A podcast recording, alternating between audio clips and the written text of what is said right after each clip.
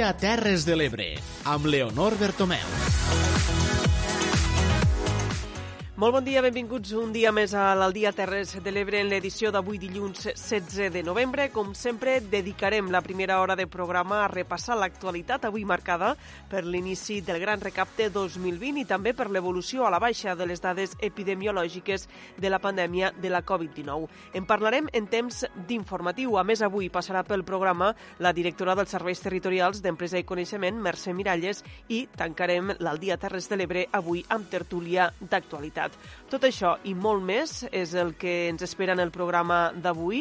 Ara, per a començar, com cada dia, els recordem el nom de totes les persones que fem possible cada dia l'Aldia Terres de l'Ebre i que són Tere Giné i Clara Seguí des de la Plana Ràdio, Núria Mora, Sara Hernández i Xavier Falcó des de Ràdio Tortosa, Laia Oltra i Francesc Callau des de la Cala Ràdio, Júlia Alvesa des de Ràdio Joventut, Eduard Carmona des de Ràdio Delta, Tomàs Ginestra, Jordi Galo i Manel Ramon des d'Amposta Ràdio i Ruth Turc des de Ràdio Mora la Nova. I ara, com cada dia, anem a conèixer els principals eh, titulars que ens fan arribar les emissores de l'Aldia Terres de l'Ebre en el nostre sumari de titulars.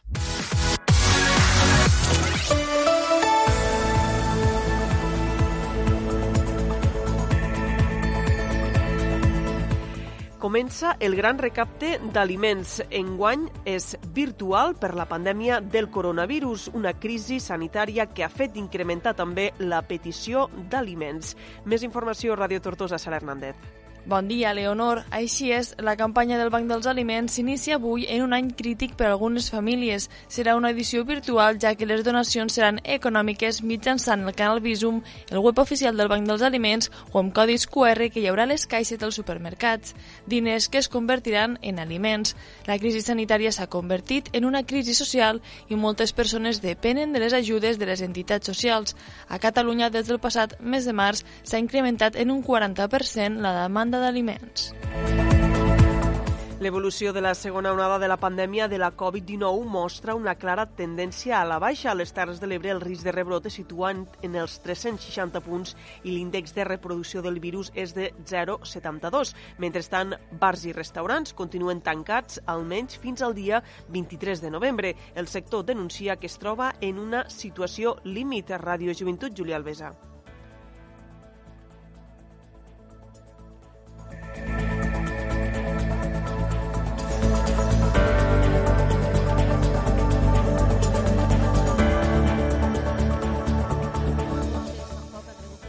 Promesos pel govern. De fet, només un 10% dels autònoms...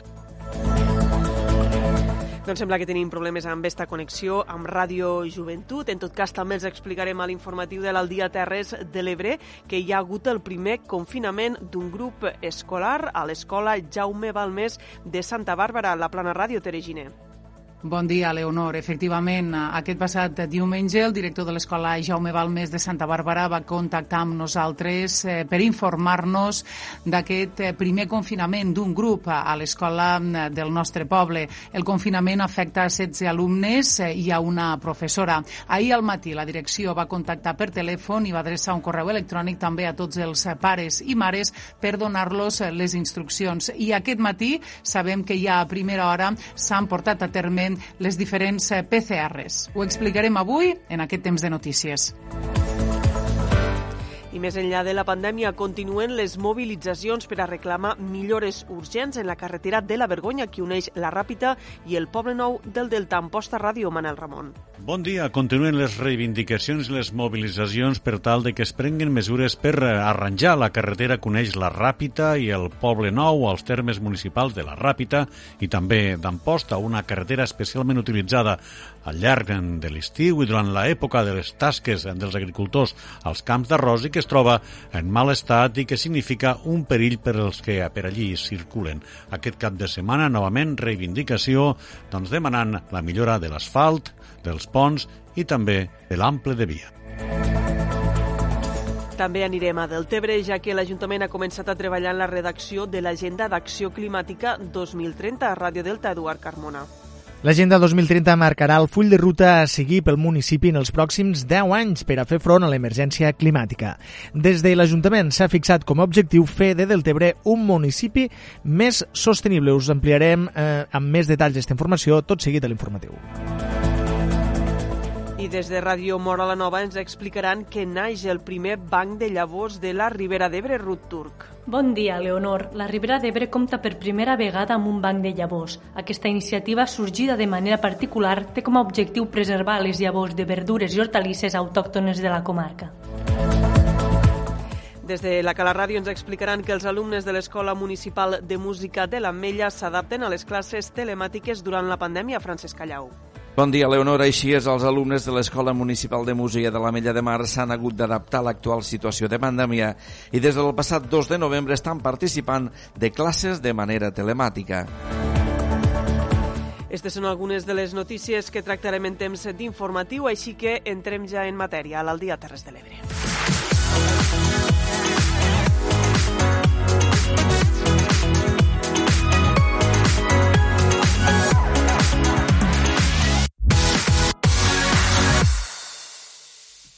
A partir d'avui tenim una cita amb la solidaritat i és que avui, este matí, ha arrencat el gran recapte d'aliments i en esta edició més que mai des del Banc dels Aliments fan una crida a la participació.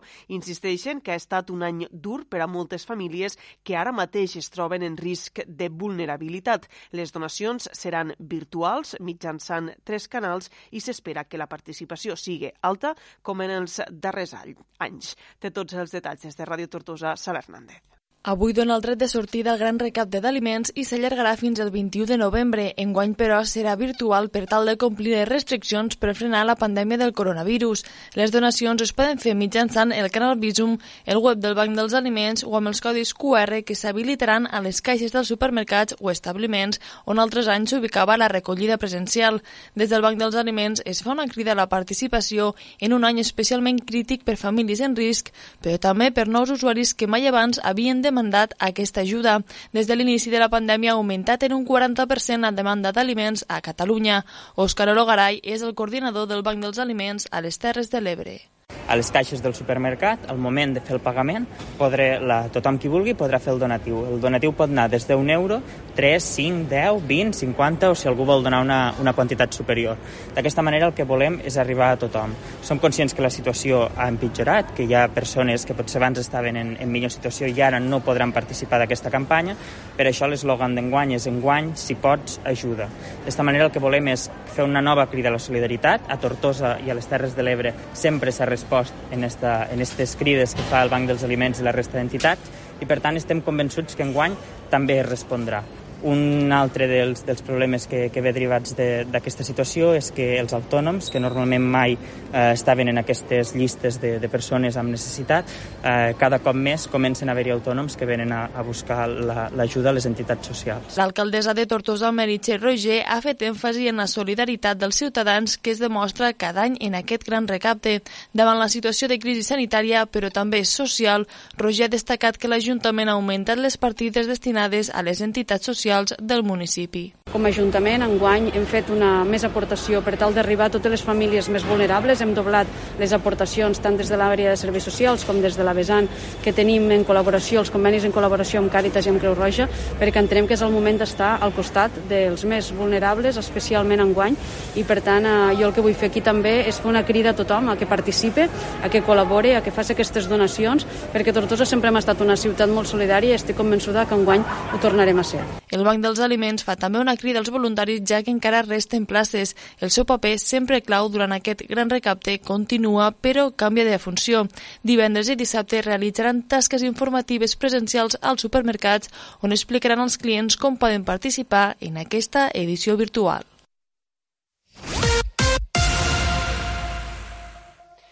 Més qüestions a l'Aldia Terres de l'Ebre. L'evolució de la segona onada de la pandèmia de la Covid-19 mostra una clara tendència a la baixa. A dia d'avui, Catalunya ja compleix un dels tres requisits marcats pel govern per a començar la desescalada, i és que la velocitat de propagació del virus s'ha situat al 0,80, per sota del 0,80, el límit fixat pel govern. Ara falta complir els altres dos requisits, reduir el número d'ingressats a les UCIs per sota de 300 i situar el número de casos diaris per sota de 1.000.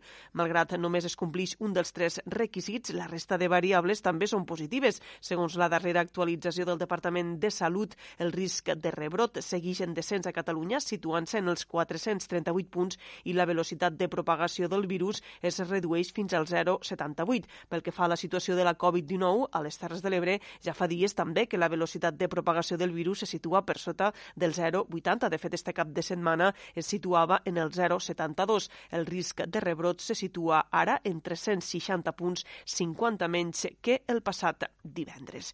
I en este context epidemiològic més favorable, el dissabte ja van poder obrir tots els centres d'estètica. Bars i restaurants, però, hauran de romandre tancats almenys fins al 23 de novembre. El sector diu que es troben en una situació límit, Júlia Alvesa. Doncs sembla que tenim problemes avui amb la connexió amb Ràdio Joventut. Nosaltres seguim repassant l'actualitat a l'Aldia Terres de l'Ebre. Anem ara fins a la Plana Ràdio i és que s'ha confirmat el primer confinament d'un grup escola a l'escola Jaume Balmes de Santa Bàrbara. El confinament afecta 16 alumnes i una professora. Té més detalls. Tere Giner. Des del 15... Així és, el director de l'escola Jaume Balmes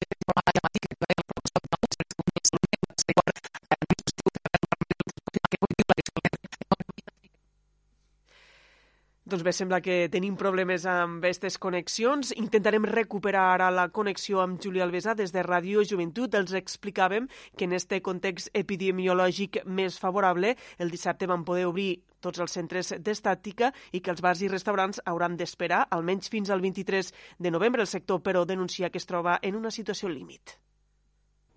Des del 15 d'octubre, bars i restaurants només poden oferir serveis a domicili o per emportar. Molts van optar per tancar i ja fa un mes que van baixar la reixa. Una situació que s'ha d'allargar fins al 23 de novembre. Davant d'això, el sector de la restauració posa el crit al cel i molts es troben en una situació límit.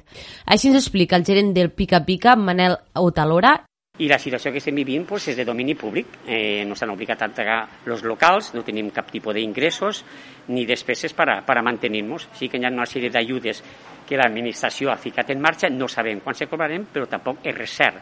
I també el gerent de Tertúlia, Jaume Trilla. Ajudes, sí, parlen molt per, per les televisions i els mitjans eh, d'internet però francament les ajudes arriben quan arriben. No? Només un 10% va cobrar les ajudes dels autònoms promeses pel govern. Sense això i amb moltes despeses no veuen la llum al final del túnel. Així ens ho indica Trilla. He tornat a demanar uns pocs de diners a l'entitat financera a través d'un amic, m'ho van aconseguir, no gaires, però francament no és esta la solució. No és esta la solució. I també Otalora. Però no és simplement el negoci. La casa, hipoteca, fills, col·legi, seguros, una sèrie de coses, alimentació, tot surt d'aquí. I ara ho tenim tot anul·lat completament. Exigeixen poder treballar i que les mesures sanitàries siguin diferents segons la regió sanitària. La solució no és tancar per sistema tota l'hostaleria de Catalunya, no. No és el mateix hostaler que hi ha a Palau de Plegamans que el que hi ha a les Rambles de Barcelona. I l'hostaleria s'està demostrant que no ha sigut el culpable de tot i, bueno, i la concurrència de la gent del públic al carrer ja es veu. Zero, zero, zero. Està dient hasta tots els comerciants. El govern va anunciar el dijous que el 23 de novembre s'iniciaria la desescalada per les activitats a l'aire lliure i tornarien a obrir les terrasses de bars i restaurants, però el sector se sent desemparat. Segons Otalora. Sabem encara quin tipus de límit, quin aforo, quins horaris, és que encara no sabem res. No sabem absolutament res, res, res, res i aquí espera. Aquest divendres, el vicepresident del govern català, Pere Aragonès, ha promès multiplicar les ajudes autònoms des del 15 d'octubre.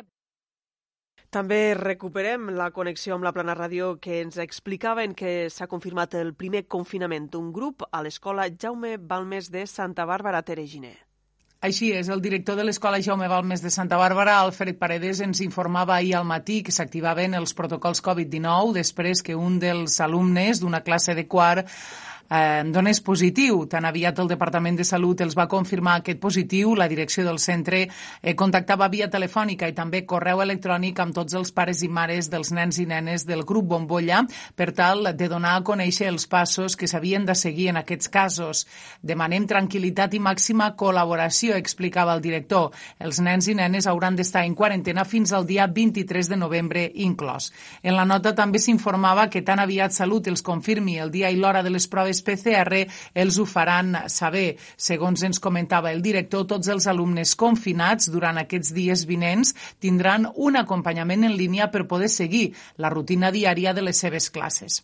Des de l'escola es recorda que és molt important fer bé les quarantenes per tallar les cadenes de transmissió i evitar que la malaltia continuï estenent-se a la comunitat i que, encara que la PCR surti negativa, cal fer aquesta quarantena durant els dies establerts. També volien clarificar indicar que els contactes dels contactes estrets, és a dir, els pares o germans, no han de seguir cap mesura especial si el nen en quarantena dona negatiu i sempre que no hi hagin símptomes.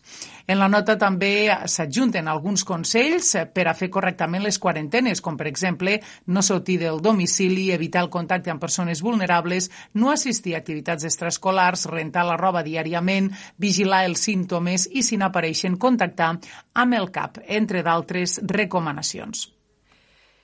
Més qüestions. Continuen les mobilitzacions per a reclamar millores urgents en la carretera de la Vergonya que uneix la Ràpita i Nou del Delta, una carretera perillosa, estreta i sense proteccions. Unes reivindicacions que es van en una marxa lenta de 40 vehicles este passat dissabte. Té més detalls des d'Amposta Ràdio, Manel Ramon. Efectivament, una quarantena de vehicles van marxar aquest dissabte per reclamar millores a la coneguda ja com la carretera de la Vergonya que uneix el poble nou del Delta al terme municipal d'Amposta i Sant Carles de la Ràpita. Tot i el confinament perimetral dels caps de setmana, els manifestants es van organitzar per tal de no saltar-se aquestes normes i van fer doncs, uns cap al terme municipal d'Amposta, altres al terme municipal de la Ràpita, és a dir, al pont de l'Encanyissada que és el límit entre tots dos municipis. Josep Joan Segarra, membre de la plataforma de la carretera de la Vergonya, va denunciar l'estat precari de la carretera i va assegurar que el nombre d'accidents creix de manera exagerada. Així ho comentava. Cada any ens trobem en un nombre d'accidents exagerat i és una vergonya que no s'hagi fet res, o pràcticament res, fins fins el dia d'avui, no? Eh, últimament, a partir de la reivindicació que han fet d'esta campanya a la carretera de la Vergonya, van fer algunes millores puntuals, no? Van, van eixamplar una miqueta alguns trossos que els donava per eixamplar, però hi ha un tram super estret aquí sortint de Poble Nou, que ara el veràs, està el tema dels ponts que estan super precaris, eh, del Poble Nou al, al, a la platja del Trabucador no han fet absolutament res, la carretera està fatal, i bé, hi ha un volum de trànsit aquí molt gran perquè hi ha els treballadors de, de les salines, de les muscleres, de les bases, de l'IRTA, els manifestants denunciaven l'estat de la carretera malmesa, així com dels ponts i de l'ample de via. Està en, en molt mal estat, està saltant el formigó i per tant aquesta és una de les qüestions que reclamem, no? que els diferents ponts eh, segurament estan en, en una situació de perillositat. A més a més, l'ample de la via ja veuràs pel camí, o bueno, ja has vingut cap aquí, ho has vist, que moltes vegades és excessivament estreta, han hi ha hagut eh, ocasions en què s'han anat trencant de les vores i, i no, no li han fet manteniment, eh, anant cap al trabucador això encara està en aquesta situació, moltes vores trencades i hi ha llocs on abans passava una línia i ara hi ha un clot directament i si caus a la vora, doncs caus dintre del canal, no? perquè no hi ha arsent, no hi ha res. La via de titularitat municipal fa 11 anys que està pendent de l'aprovació del pla sonal que permetrà que la carretera entri a la xarxa de la Diputació de Tarragona. Entrem ara en la crònica municipal. Ciutadans de Tortosa reclama unitat política per a exigir a la Generalitat la construcció d'un nou hospital al territori. La formació presentarà una moció per a ser debatuda en el proper ple municipal en què demana valentia política per a defensar els interessos del territori Núria Mora. L'anunci de salut d'ampliar l'Hospital Verge de la Cinta de Tortosa continua portant cua. Ara és Ciutadans qui es posiciona en la defensa de la construcció d'un nou hospital a les Terres de l'Ebre.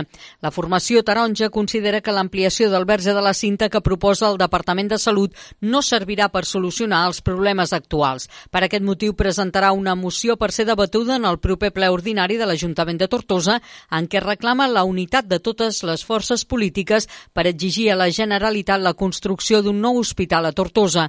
El portaveu de Ciutadans al consistori tortosí, Miquel Albacar, demana valentia política per deixar davant dels partidismes i defensar els interessos de les Terres de l'Ebre. Llavors jo el que demano a tots els demés, a tots els demés partits és unitat en aquest aspecte per a reivindicar el que realment ens beneixem i, i valentia per a, per a no anar en coses partidistes, sinó que el que necessitem a les Terres de l'Ebre realment és un nou hospital que estigui ubicat en una zona que tingui molta accessibilitat, com pot ser la C12 o la C42, que ja havia una planificació de la C12 fa un temps que van proposar els socialistes al 2008, i, i anar tots units en això, en aquest sentit, per a poder al final tindre el nivell de servei sanitari que ens beneixem a les Terres de l'Ebre. El Bacar ha destacat que l'ampliació de l'actual verge de la cinta topa amb limitacions importants, com el conjunt emmurallat, la dificultat d'accés o el trasllat d'un dipòsit d'aigua que poden generar sobrecostos importants al projecte. Primerament perquè al lloc que se fa la nova ampliació ja està, hi ha un conjunt històric de muralles que limiten els espais i també limiten les cimentacions que s'ha de fer i tot això. A part, hi ha un dipòsit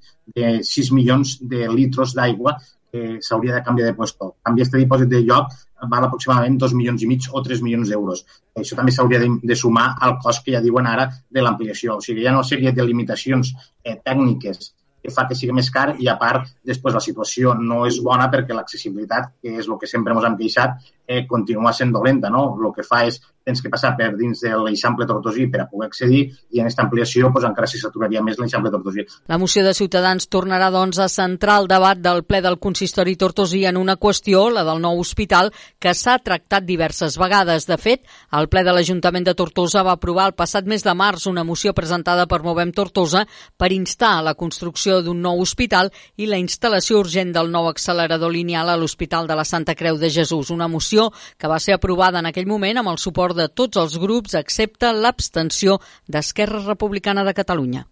Anem ara a Deltebre. L'Ajuntament ha començat a treballar en la redacció de l'Agenda d'Acció Climàtica 2030 i que marcarà el full de ruta a seguir pel municipi en els pròxims 10 anys per a fer front a l'emergència climàtica. Té més detalls des de Ràdio Delta, Eduard Carmona. Des de l'Ajuntament s'ha fixat com a objectiu fer de Deltebre un municipi més sostenible i els primers treballs de l'Agenda d'Acció Climàtica consistiran en la implementació d'un cronograma d'actuació, així com la recollida d'informació i anàlisi de la situació actual, per tal de definir les accions que hauran de formar part d'este full de ruta. El procés d'elaboració comptarà amb la participació de la ciutadania. Així ho ha explicat el regidor de Polítiques Ambientals, Joan Lucas.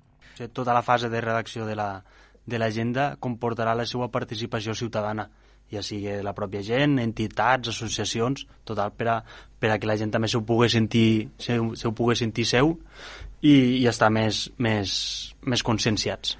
Al final tot depèn de, de la conscienciació de, de cadascú i la sensibilització que, que tinguen. Per sort, cada vegada anem avançant més i sobretot generacions més, més joves que no, que no vol dir que la gent gran no, no pugui estar-hi, eh? però sí que eh, veus que realment la gent cada dia s'ho emprèn més en, en sèrio tot això i està més conscienciada. Ja no parlo de només eh, anar a limpiar les platges quan se fa la neteja de platja, sinó del dia a dia també pues, el reciclatge, la separació de residus, mm -hmm. la, el malbaratament dels recursos, tot això veus que cada dia la gent s'ho emprèn més, més en sèrio. Lucas ha recordat que des de l'Ajuntament de Deltebre ja s'han anat desplegant diferents actuacions per fomentar la sostenibilitat i servir d'exemple per a la ciutadania. Així, actualment, l'aigua calenta de les instal·lacions esportives i del centre esportiu del Delta es produeixen mitjançant energia solar i biomassa. A banda, s'està duent a terme el procés de renovació a LED de l'enllumenat de diversos carrers i edificis municipals. Tot això, a més a més, d'apostar per la transició energètica amb la instal·lació de més de 1.100 plaques solars fotovoltaiques fotovoltaiques d'autoconsum en set edificis i equipaments municipals. Anem ara a la Ribera d'Ebre, on ha nascut el primer banc de llavors de la comarca. Este projecte ha sorgit de forma particular i ja compta amb més de 30.000 llavors de 75 varietats diferents. Té més detalls Ruth Turc des de Ràdio Mora la Nova. La Ribera d'Ebre compta per primera vegada amb un banc de llavors. Aquesta iniciativa sorgida de manera particular té com a objectiu preservar les llavors de verdures i hortalisses autòctones de la comarca i de les comarques veïnes. L'impulsor d'aquest projecte, Josep Saladier, ha explicat com funciona el banc de llavors. És un grup de, de col·laboradors, no es cobra res per ser soci, som un grup d'amics i és l'intercanvi, l'antic trueque que es deia, no? amb el qual doncs, jo per exemple, doncs, a tu pot d'una tomaquera més especial, que ara tindrem, doncs, jo que sé, 10 12 espècies diferents de tomaqueres, doncs puc donar 20 llavors perquè plantis tu la teva tomaca que t'agrada, i de les llavors que treguis aquesta propera primavera, doncs, bueno, només que em donguis les, me tornis, me retornis les llavors d'una tomaca, que aproximadament seran 150, doncs mira, si t'he donat jo 30 i me tornes 150, doncs li podrem fer això mateix a 5 o 6 persones més, de forma que augmentem el banc de llavors nostre, el propi de cada servidor, més el del club, diguem-ho així, eh, del banc de llavors per doncs, que, no, que no es perdi aquesta llavor. Saladier també ha destacat algunes de les espècies autòctones de les quals disposen. Ara tenim una tomaca de penjam a la cara flixanca, que és una tomaca doncs, que suca molt més al pa, que és molt més duradera i bueno, els paràsits doncs, els, els, els aguanta molt millor que totes les híbrides o les que comprem en planter i doncs, aquesta tomaca doncs, l'estem ara agafant com una DOQ, no? una, una qualitat d'exemplar que té. Eh, hi ha alguns melons que són de la Pobla de Massayuca que els estem introduint aquí. Tenim la safranòria, que és l'antiga pastanaga aquella més moreneta, que és més gustosa i més sabrosa. Eh, bueno, espècies de d'abans. Sí que hem, hem portat algunes de la resta de Catalunya, però també són d'abans. Ara per ara, el Banc de Llavors de la Ribera d'Ebre disposa de més de 30.000 llavors de 75 varietats diferents i hi participen una desena de persones. Anem ara fins a la Cala Ràdio. Els alumnes de l'Escola Municipal de Música de l'Ametlla de Mar s'han hagut d'adaptar a l'actual situació de pandèmia i des del passat dia 2 de novembre estan participant de les classes de manera telemàtica, Francesc Callau. De fet, a l'inici del curs, l'Escola Municipal de Música de l'Ametlla de Mar ja va haver d'adaptar-se a la nova situació, aplicant totes les mesures de seguretat, reduint aforaments a les classes i limitant els grups entre 4 i 6 persones, utilitzant pantalles i distàncies de separació i fins i tot havent d'utilitzar utilitzar algunes classes de l'Escola Sant Jordi per poder encabir tots els grups d'alumnes. Les noves restriccions van obligar a passar de les classes presencials a les classes telemàtiques, un fet que ha estat menys traumàtic que el passat mes de març i que els ha permès evolucionar amb els mitjans, tant si els alumnes fan llenguatge com si fan instrument o conjunts, sigui a través de plataformes digitals o a través de l'enviament de vídeos i exercicis per tal que els alumnes no perdin el fil de l'aprenentatge. Anna Vizcarro és cap d'estudis de l'EMMA. De març fins ara hem anat evolucionant tota aquesta situació. Els més petits reben vídeos on la professora els fa fer activitats que després han de veure a casa i compartir, si fa falta, després via vídeos que els pares els hi enviïn. Vull dir, hi ha mil maneres de poder fer activitats de sensibilització i els de llenguatge doncs, són classes ordinàries. Nosaltres fem una videotrucada amb els alumnes per grup, vull dir, els grups són els mateixos, són estancs i els mateixos horaris que feien quan les classes eren presencials. I per les classes ordinàries, amb la dificultat que té, doncs, el mateix no és, però per lo menys no s'interrompen les classes i intentem que els nens no perdin el fil. I bueno, la qüestió és anar treballant i intentar donar una, la màxima normalitat que es pugui dintre de l'anormal que és aquesta situació. Al llarg d'aquesta pandèmia s'han produït algunes baixes d'alumnes, sobretot per la por dels pares a possibles contagis, tot i que de moment no s'ha produït cap positiu a l'EMMA, fet que a poc a poc està retornant la confiança als pares i ja s'ha produït alguna alta. De cara a Santa Cecília, els alumnes, tal com ja van fer a final de curs, enviaran vídeos que seran penjats a les xarxes socials de l'escola. Avui, per acabar l'informatiu, els expliquem que sense tan posta la tercera edició de l'activitat solidària i cultural Sopa de Lletres, este any amb la participació del cantant Cesc Freixas. Ens informa de nou Manel Ramon. Avui dilluns dia 16 s'enceta la tercera edició de la Sopa de Contes, una activitat solidària i literària que compta amb una recollida de llibres que es portarà a cap a la Biblioteca Comarcal Sebastià Juan Arbó. Aquesta recollida compta enguany amb la participació del cantant català Cesc Freixas, que ha portat un llibre anomenat Aigua en aquesta edició. Així ens ho explicava el propi cantautor. Hi ha una manera també d'intercanviar històries i de de, de contribuir també en aquest circuit, no? que, que al final és un circuit que retroalimenta moltíssimes persones de la literatura i si som capaços també doncs, de, de compartir aquestes històries que nosaltres ens han enriquit i que puguin servir també per enriquir altres persones, doncs aquesta sopa de contes serà, serà una sopa que ens enriquirà moltíssim a tots i a totes.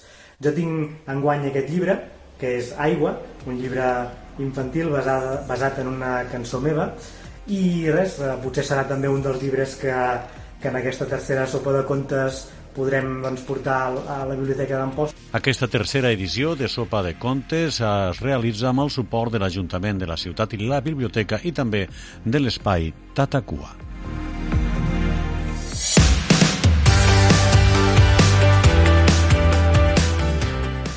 Espai per a l'entrevista avui amb Mercè Miralles, directora dels Serveis Territorials d'Empresa i Coneixement a les Terres de l'Ebre. Mercè Miralles, bon dia. Molt bon dia. Dèiem en temps d'informatiu que les dades epidemiològiques van a la baixa tant a Catalunya com a les Terres de l'Ebre. El 23 de novembre és esta nova data límit que ha posat el Departament de Salut per a començar un procés de desescalada. Creu que es podrà iniciar o s'hauria d'iniciar ja el 23 de novembre este procés de desescalada? Crec que el conseller Tremosa tenia preparat ja un pla per a este cap de setmana. Eh, difícil. La resposta si es podrà eh, iniciar. Esperem i desitgem que sí. Eh, és molt difícil. Eh? Aquí hi ha que trobar un equilibri entre la epidemiologia i l'economia, entre la salut i l'economia.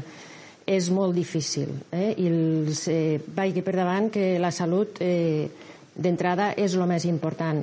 Però no obstant, i vostè mateixa ho deia, no? des del Departament d'Empresa s'està treballant intensament per tractar de trobar escletxes, no? finestres que permetin trobar aquest equilibri i poder anar reobrint l'economia. Nosaltres pensem que això és imprescindible. El mateix conseller Tremosa, eh, finals d'esta setmana passada, va insistir molt en un pla molt treballat i molt enraonat, que a més tot el sector ho ha reconegut, eh, al Procicat, però bueno, les dades de les, les respostes no, de, de salut primen i bueno, esta és la situació. Sí que s'ha aconseguit algun, alguna, alguna escletxeta, no? com reobrir els centres d'estètica, per exemple, des de dissabte passat, eh, però bueno, hi ha que trobar este, este equilibri. Uh -huh. Els sectors afectats es queixen no? perquè es troben en una situació límit, creuen que els ajuts són insuficients, abans ho comentaven, eh? que han de recórrer a l'endeutament, que es troben desemparats. Quina resposta els donaria?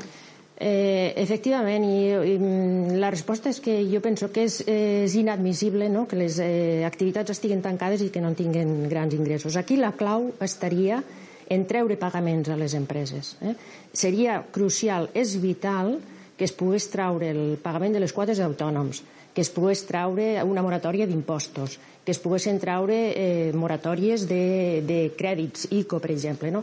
Eh, desafortunadament, això no està en les nostres mans. Tenim una forta dependència de l'Estat i aquestes mesures, que són les que tindrien gran impacte eh, en, en aguantar les empreses, lamentablement no les podem aplicar. Des del Govern de Catalunya, què fem? Estem traient uns programes de subvencions des del Departament d'Empresa, li parlo, eh, de suport a, a les empreses que estos dies los estem gestionant. Uh -huh. Crec que el darrer paquet d'ajudes és d'uns 50 milions d'euros. Amb tot se queixen que no arriben a tothom, no?, els, els bueno, sectors afectats. Efectivament. A veure, els tenim bastant dimensionats, eh, des del Departament d'Empresa, als sectors que ara ens adrecem. Fa escaig dos o tres setmanes vam treure un paquet d'ajudes de 40 milions per a bars i restauració i centres d'estètica. Estos ja estan en període d'adjudicació i en pagament en breu. Afortunadament hem pogut arribar pràcticament a tots els sol·licitants eh? i si hi ha algú que s'hagi quedat fora mirarem de rescabalar-lo i ara estem a punt de traure una altra nova convocatòria també adreçada a, a bars, restauració, centres d'estètica i afegim també eh, parcs infantils i oci nocturn i sortirem en un paquet de 50 milions d'euros. Eh, creiem que està bastant també dimensionat. Eh, vull fer una, una menció. És compatible, és dir, aquelles, aquelles empreses que han sigut beneficiaris del paquet de 40 milions poden tornar a demanar aquest ajut que traurem ara en els 50 milions.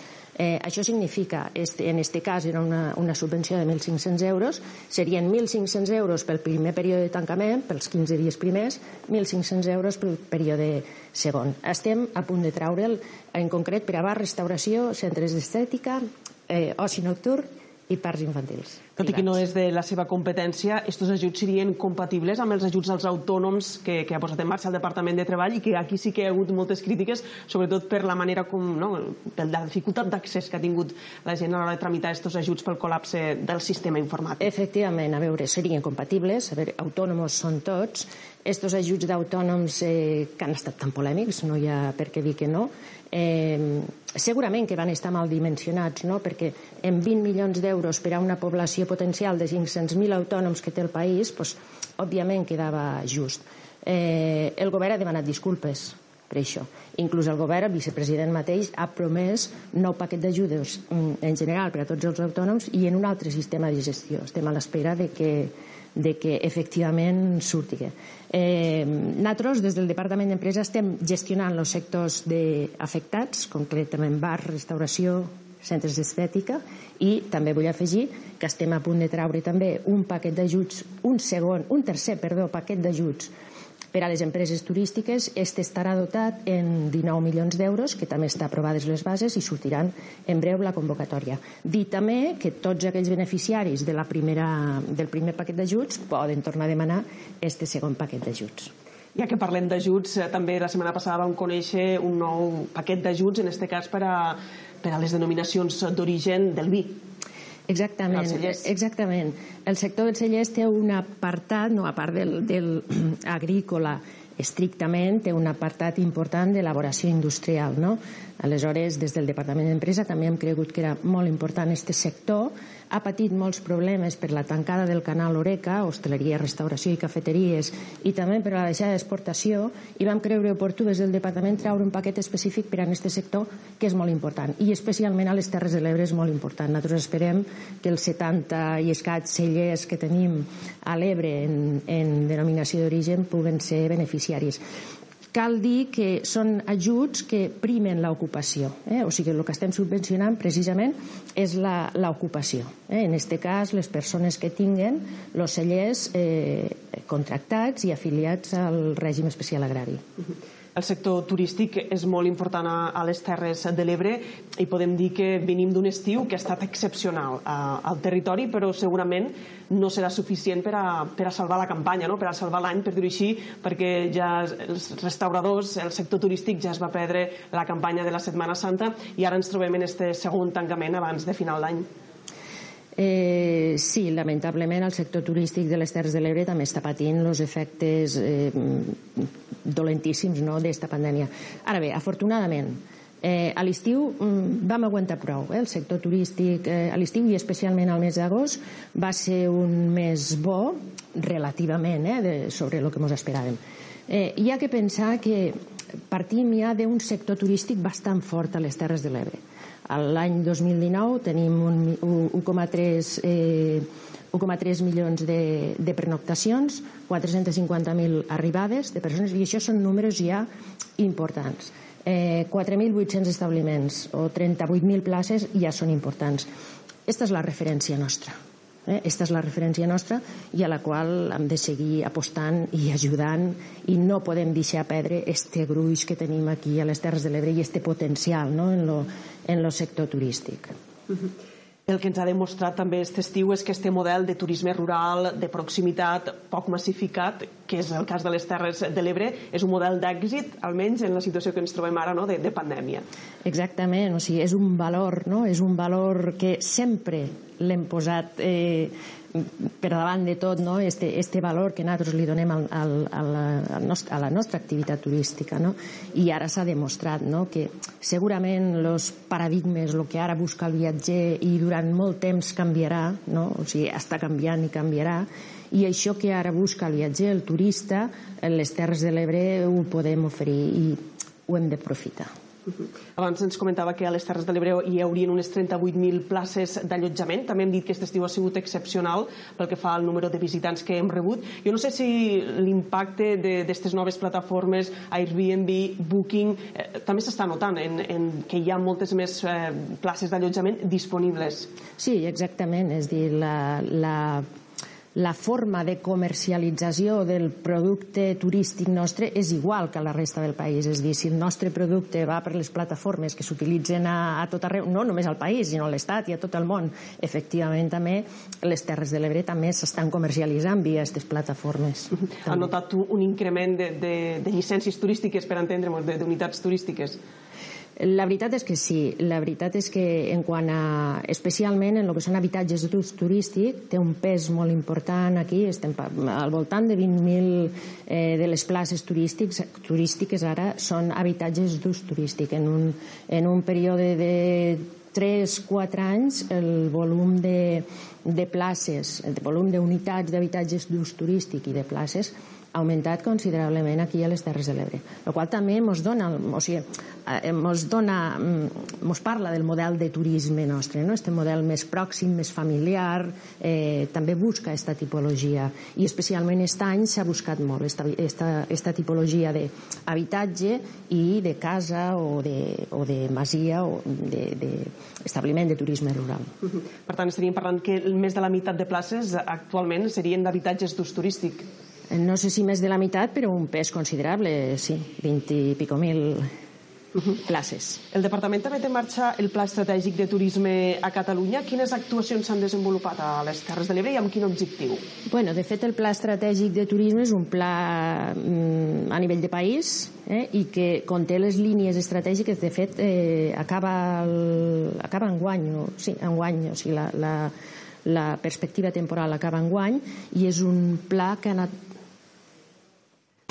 que ha anat desenvolupant les línies estratègiques marcades pel, pel, pel propi pla, no? eh, la diversificació de productes, la desconcentració, l'augment de la despesa, això són línies estratègiques marcades per pla i que també s'han aplicat i s'han d'aplicar aquí a Terres de l'Ebre. Tenim molts deures pendents, no? O sigui, el que és la desconcentració, el nivell de, lo número de places turístiques lo tenim molt concentrat, per exemple, en les zones de platja, aquí tenim assignatures pendents per anar treballant, eh, la descentralització, això ho hem d'anar treballant.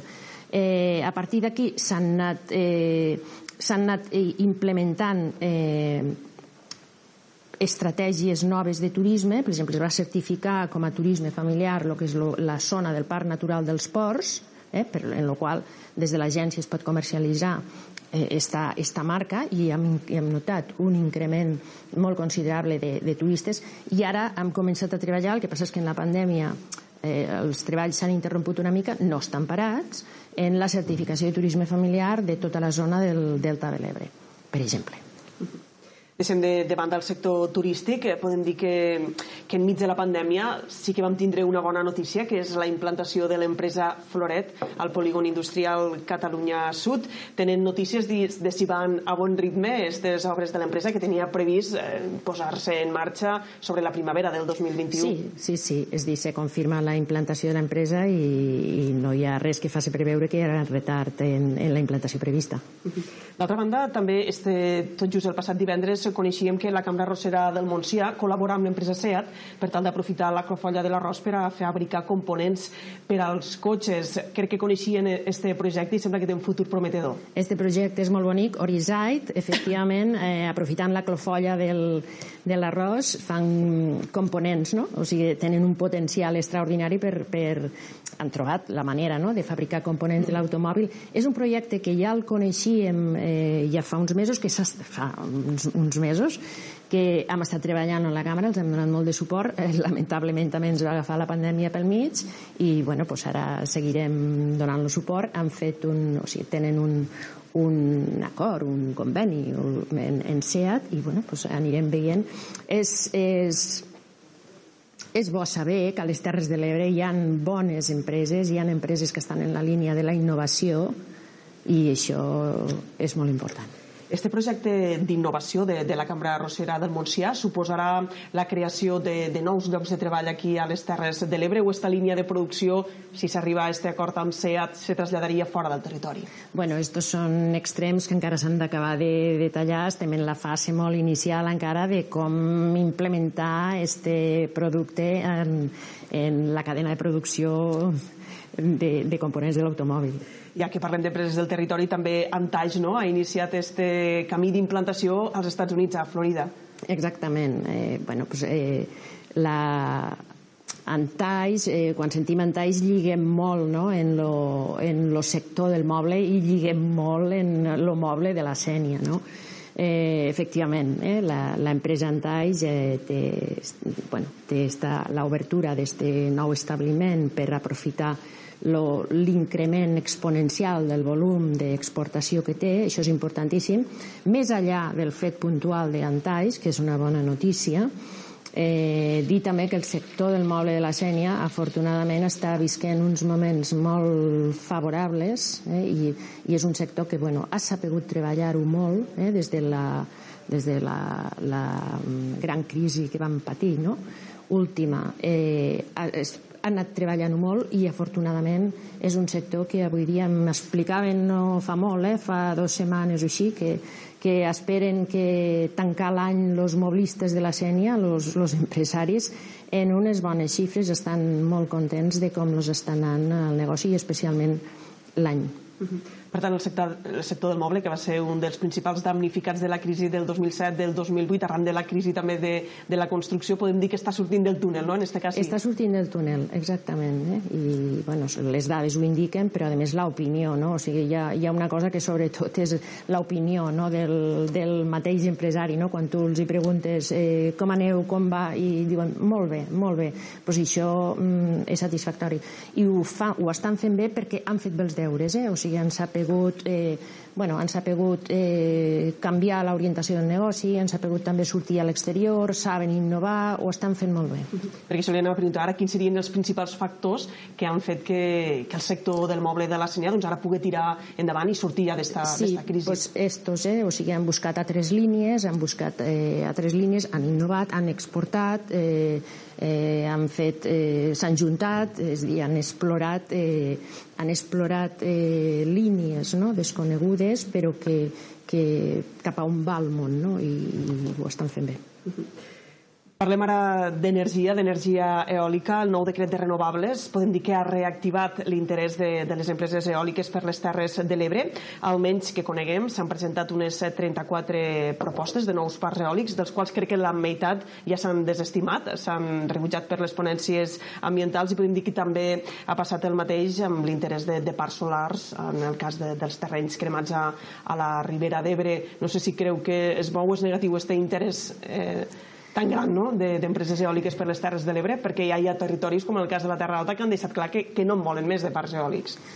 És difícil, no?, la resposta si bo o dolent. Certament, a veure, hi ha una llei de canvi climàtic aprovada i consensuada per pràcticament totes les forces eh, polítiques eh, del Parlament de Catalunya, en qualsevol cas les que estan a govern, i aquesta eh, llei de, de canvi climàtic ens marca uns determinats objectius. Eh, L'any 2050 l'objectiu seria que el país estigui eh, al 100% d'energies renovables. No? Este seria l'horitzó marcat per la llei del canvi climàtic. El decret d'energies renovables nou, eh, de finals de, de l'any passat, també un decret consensuat, almenys per les forces polítiques que estan a govern, canvia d'alguna manera tot el paradigma de com se gestionen les energies renovables aquí al país. Eh? I especialment parlem de l'eòlica, que és el que més ens afecta. Eh, abans d'aquest decret, l'energia eòlica només se podia implantar en determinades zones del país, entre altres la Terra Alta, eh? per exemple, o la Ribera d'Ebre. Estaven determinades, estaven marcades. En el decret este, que ja dic que és un decret consensuat eh, per govern, este decret el que fa és, mm, d'alguna manera, liberalitzar les zones, eh? trau esta, esta determinació de zones i d'alguna manera ara l'energia eòlica es pot posar a qualsevol, l'energia eòlica, l'energia fotovoltaica, la renovable, eh? a qualsevol indret del país que tingui els requisits. A partir d'aquí canvia també una mica, canvia substancialment la manera de gestionar-ho i de tramitar-ho. Eh? Ara qualsevol projecte d'energia renovable que es vulgui gestionar no entra directament al Departament d'Empresa, que d'alguna manera seria el que té l'autoritat energètica, per dir-ho d'alguna manera, sinó que va a una ponència, primer, on es valora el projecte, i a la ponència doncs, tant hi participa el Departament d'Agricultura, el Departament de Territori, el Departament de Cultura, el Departament d'Empresa, i allà es valora d'alguna manera l'abans del projecte. Eh? Quan parlem de que en aquest moment hi ha una llau de sol·licitud de projectes, De fet, no són projectes que s'estiguen tramitant. Eh? O sigui, hi ha una llau de valoració prèvia. Eh? I en aquesta valoració prèvia n'hi ha alguns que han estat valorats positivament i n'hi ha molts que han estat valorant negati valorats negativament.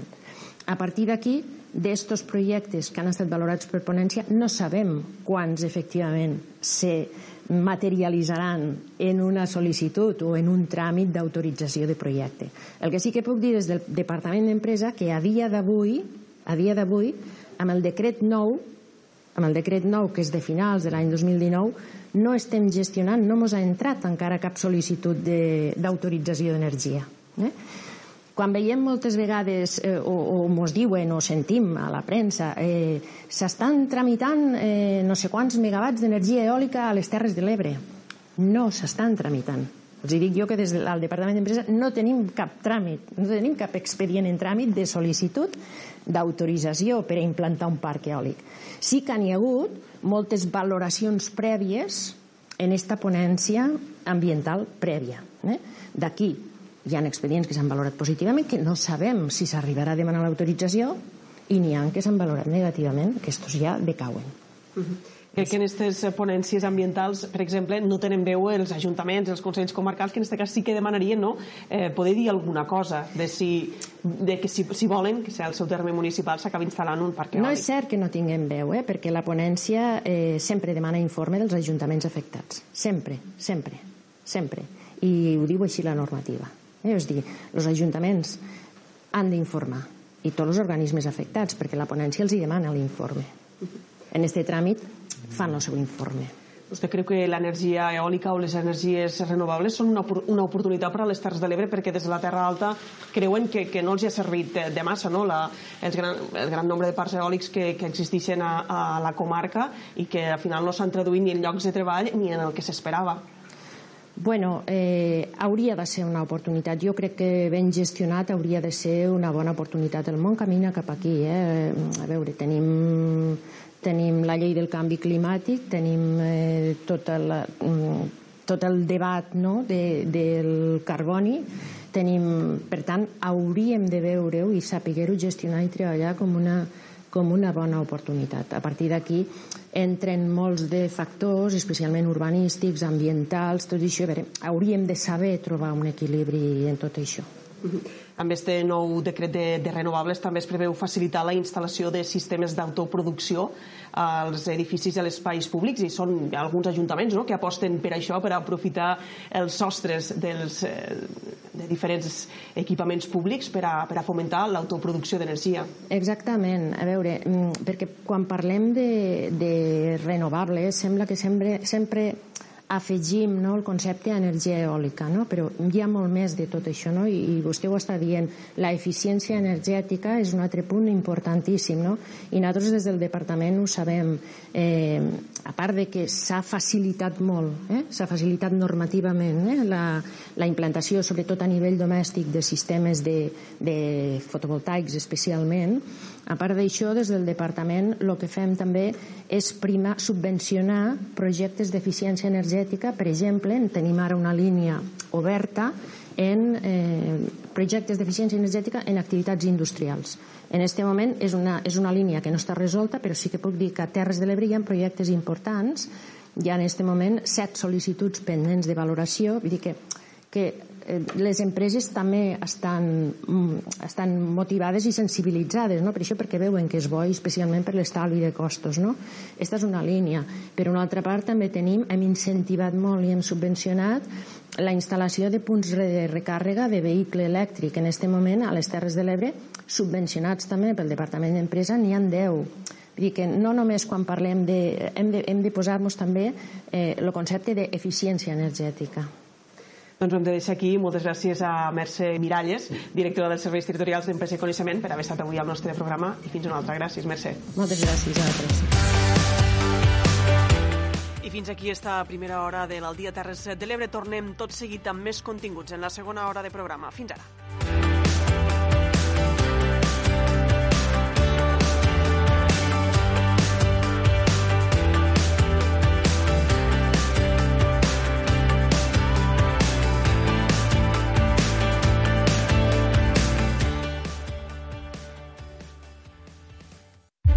Aquest Nadal volíem crear el torró perfecte.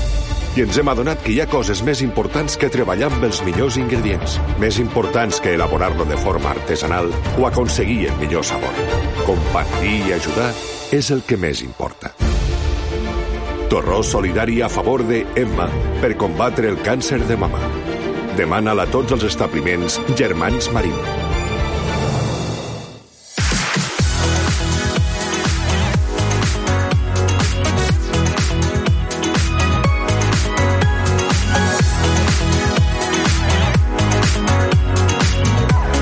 Dia Terres de l'Ebre, amb Leonor Bertomeu.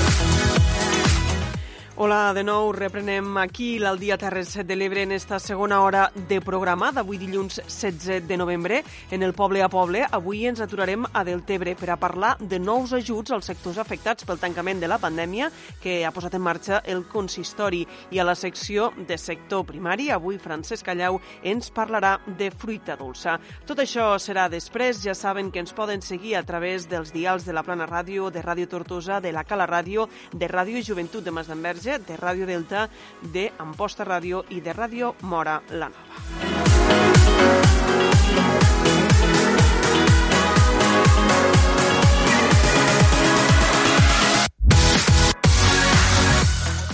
I ara, per a començar esta segona hora de programa, com sempre, anem a fer un repàs als principals titulars d'este dilluns 16 de novembre.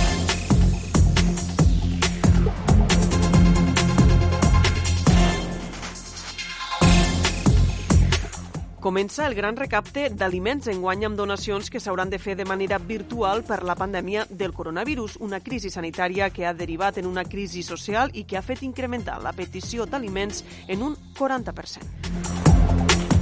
L'evolució de la segona onada de la pandèmia de la Covid-19 mostra una clara tendència a la baixa. A les Terres de l'Ebre el risc de rebrot es situa en 360 punts i l'índex de reproducció del virus és de 0,72. Mentrestant, bars i restaurants continuen tancats almenys fins al pròxim dia 23 de novembre. El sector denuncia que es troba en una situació límit. Primer confinament d'un grup a l'escola Jaume Balmes de Santa Bàrbara. El confinament afecta 16 alumnes i una professora per contacte amb un positiu. Continuen les mobilitzacions per a reclamar millores urgents a la carretera de la Vergonya que uneix la Ràpita amb Poblenou del Delta. Este cap de setmana s'ha fet una nova marxa lenta per a denunciar l'estat de deteriorament d'esta carretera.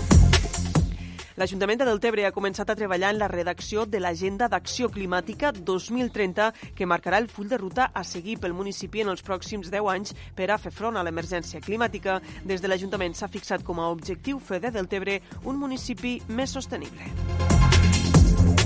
La Ribera d'Ebre compta per primera vegada amb un banc de llavors. Esta iniciativa, sorgida de manera particular, té com a objectiu preservar les llavors de verdures i hortalisses autòctones de la comarca i ja compta amb més de 30.000 llavors de 75 varietats diferents.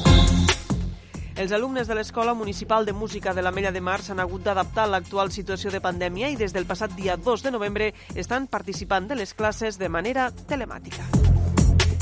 I per acabar els expliquem que avui s'enceta en posta la tercera edició de l'activitat solidària i cultural Sopa de Contes, este any amb la participació del cantant Ses Freixes.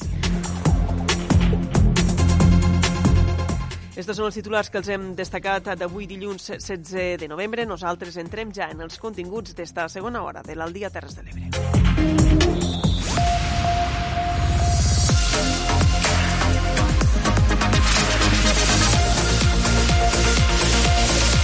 Al dia. I per a començar ens arriba l'espai d'efemèrides amb Maria Barberà.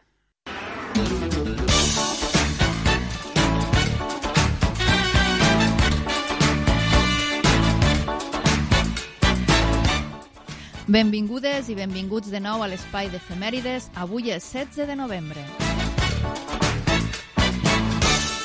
Ens remuntem al 1855, quan un 16 de novembre el metge, explorador i missioner britànic David Livingstone descobreix les cataractes Victoria en el curs del riu Zambeze, a Rhodèsia. El 16 de novembre de 1938, en el marc de la Guerra Civil Espanyola, finalitzava la decisiva Batalla de l'Ebre, la més llarga i cruenta de tota la Guerra Civil. Al 1945, un 16 de novembre, es funda a Londres l'Organització de les Nacions Unides per a l'Educació, la Ciència i la Cultura, més coneguda per les seves sigles UNESCO. I un any més tard, al 1946, un 16 de novembre, als Estats Units, una paloma missatgera és condecorada pels seus serveis de missatgeria durant la Segona Guerra Mundial. El 16 de novembre de 1977, el Consell d'Europa aprova per unanimitat l'entrada d'Espanya a l'organisme, en un moment en què aquesta acabava de sortir de la dictadura franquista. I un apunt d'esports al recordar que el 16 de novembre de 2003 debutava al Futbol Club Barcelona el davanter Leo Messi. Va ser un partit amistós contra el Porto en aquesta mateixa ciutat.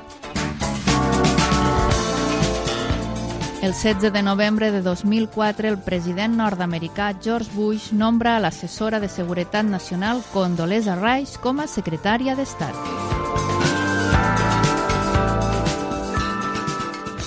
Al 2010, un 16 de novembre, la UNESCO reconeixia com a patrimoni immaterial el flamenc, la dieta mediterrània, els castellers, el cant de la Sibila i la cetreria. I acabem el 2017 recordant que un 16 de novembre el quadre Salvador Mundi de Leonardo da Vinci és venut per 450 milions de dòlars, tot un rècord mundial. Ens acomiadem per avui, que acabeu de passar una feliç jornada. A reveure!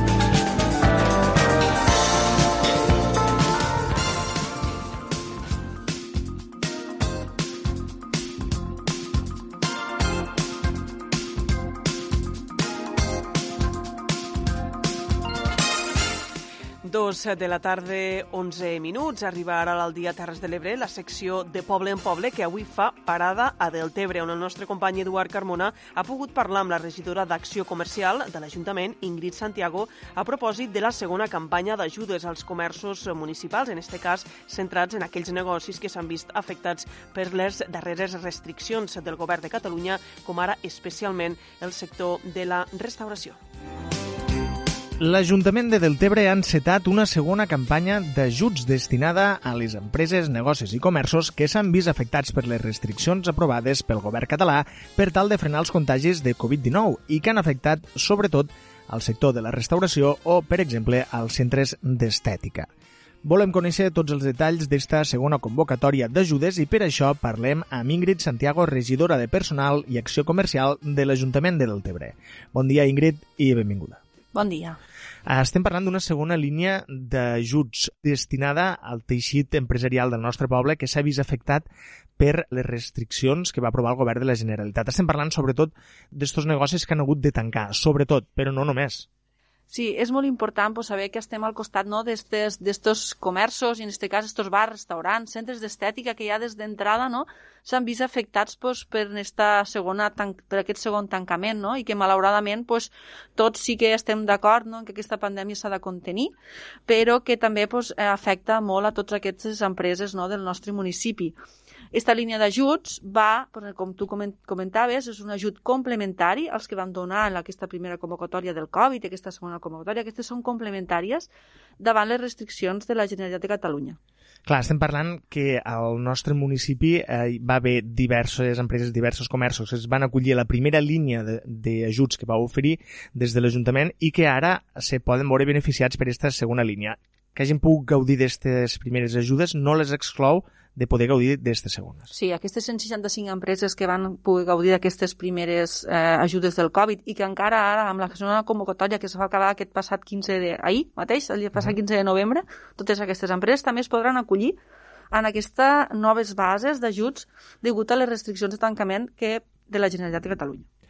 La primera línia de bases d'ajuts que vau encetar des de l'Ajuntament de Deltebre, fins a quan podia arribar un comerç a rebre, bé sigui a través de deduccions fiscals o bé sigui a través d'ajudes directes? A veure, eh, tenim que en, ajuts, en aquest ajut directe era un màxim de 1.000 euros, no? que també molts. I a banda, si a més a més tenien, en aquest cas, pues, un, un, ocupava una ocupació de via pública, exemple, terrasses, un bar, un restaurant, doncs llavors ja li sumaves aquesta quantitat. Per tant, hi havia fins a 2.500 euros que ha pogut rebre en aquest cas, una activitat, no? En aquest cas, pues, sempre va lligada a aquells que fan bars i restaurants. Esta segona línia, però, no, no incideix en impostos ni en ajudes indirectes, sinó que és, eh, és estem parlant de liquiditat, d'ajuda directa. Sí, a veure, ens trobàvem que la primera, la primera onada del Covid era bastant delicat, perquè realment no sabíem, ningú se sabia com, com, com, com evolucionaria, no? Per tant, vam ser una mica prudents, vam fer poder ser més objectius, més justos, aportant documentació i que siguin aquelles empreses que més han necessitat aquests diners, no?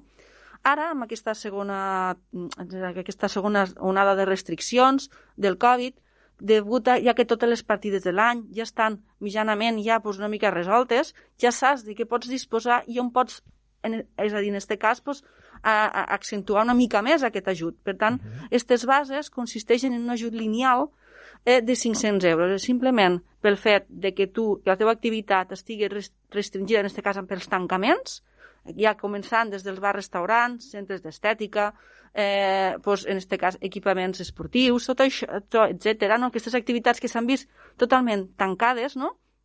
pues, ja, totes aquestes ja poden accedir directament només pel fet de presentar la sol·licitud i la documentació que justifica que tens una llicència i que estàs donat d'alta, doncs en aquest cas a l'agència tributària i, a, i ets autònom, ja tens dret a 500 euros d'ajut lineal. A partir d'aquí pots arribar fins a 800 euros, sempre i quan després tingues una sèrie de criteris, els compleixes i els justifiques, sempre de manera voluntària. Vull dir, si alguna, alguna empresa eh, simplement no vol preparar més documentació i, i està dins d'aquests, aquests, en aquest cas, aquests col·lectius de tancament, doncs llavors ja té dret a 500 euros sempre quan ho sol·licita. Una sol·licitud amb la documentació fiscal necessària bàsica.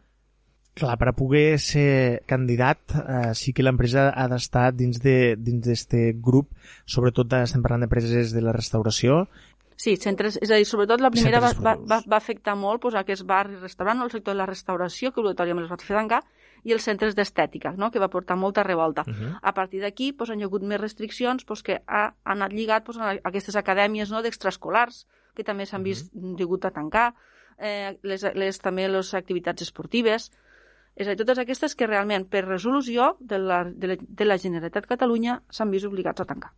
Suposo que aquí hi ha altres... Hi ha un sector que és una mica més delicat, que és el sector cultural, que no sé si es pot acollir, no sé si es podria acollir també en aquestes bases, perquè és un sector també que s'ha vist molt, molt perjudicat, òbviament, eh, orquestres que puguen haver-hi, músics que toquen a orquestres, cantants, eh, actors, actrius... Sí, com jo ja entenc per on, per on vols fer la consulta. A veure, hi ha una sèrie d'activitats, no?, que per la seva casuística, que aquí ja, ja tenim un ventall molt ampli, uh -huh. possiblement no s'han vist directament afectats per aquests tancaments, però que de manera, en aquest cas, eh, com, com ho diria, eh, pues de manera, és a dir... Col·lateral. Col·lateral, no? S'han vist de, realment afectats, no? Perquè realment, pues, si no es fan actes, si no es fan actuacions, si, és a dir, tot porta, no? Si no es fan bodes, Exacte. si la gent no viatja, totes per exemple, aquestes penso activitats. fotògrafs, no? Fotògrafs de bodes. Bueno, pues la fotògraf de bodes pues, també ha vist reduït.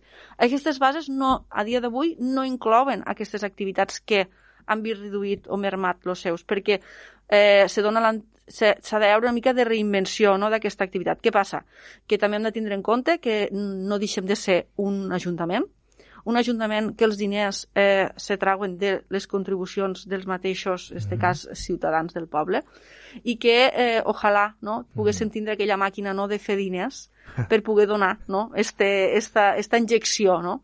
Però també som conscients de lo que tenim, de que tot i tot han de ser molt objectius, aquestes ajudes s'han de donar molt concretes i molt, és a dir, molt en aquest cas, amb un perfil, acollim-nos a resolucions.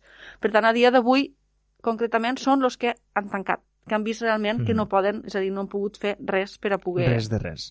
L'Ajuntament ha, ha encetat aquesta segona línia d'ajuts. Heu previst una tercera línia si la cosa se complica de cara a Nadal o de cara a l'any que ve? A veure, aquesta línia d'ajuts ja, ja el que fa és que són totes aquelles activitats afectades per les restriccions fins al 14 de desembre. És a dir, si malauradament ara eh, l'evolució que sembla, no? que sembla les notícies o el que ens arriba, no? que possiblement començarem a reemprendre les activitats, si fos el cas que no fos, la, fos així i hi haguessin més activitats afectades, totes aquestes ja entren dins d'aquesta convocatòria. Uh -huh. vale? És a dir, totes aquestes activitats, que és de bars i restaurants i centres d'estètica, que és un punt de referència, fins al 14 de desembre. Clar, si tot va bé, el 23 s'aixecaran algunes restriccions, Per tant, eh, voldrà dir que del 23 al 14 de desembre, fins i tot aquestes empreses que a partir del 23 ja estiguen obertes, encara es podrien acollir eh, en aquestes bases? Sí, sí, sí, sí. És a dir, totes aquelles que estan, per tant, totes fins al 14 de desembre es podran acollir.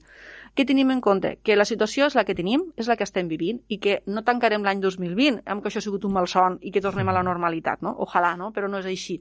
Llavors, eh, ja creiem eh, que ja tenim plantejat per a l'any que ve que un model de bases com aquestes que, que presentem ara, més, més fases i més senzilles per a que la gent pugui accedir, se queden pues, un poc instaurades no? a dins a, a, a, lo que és a, a les bases d'ajuts que acompanyaran igual a les de dinamització que tenim obertes i a les de promoció.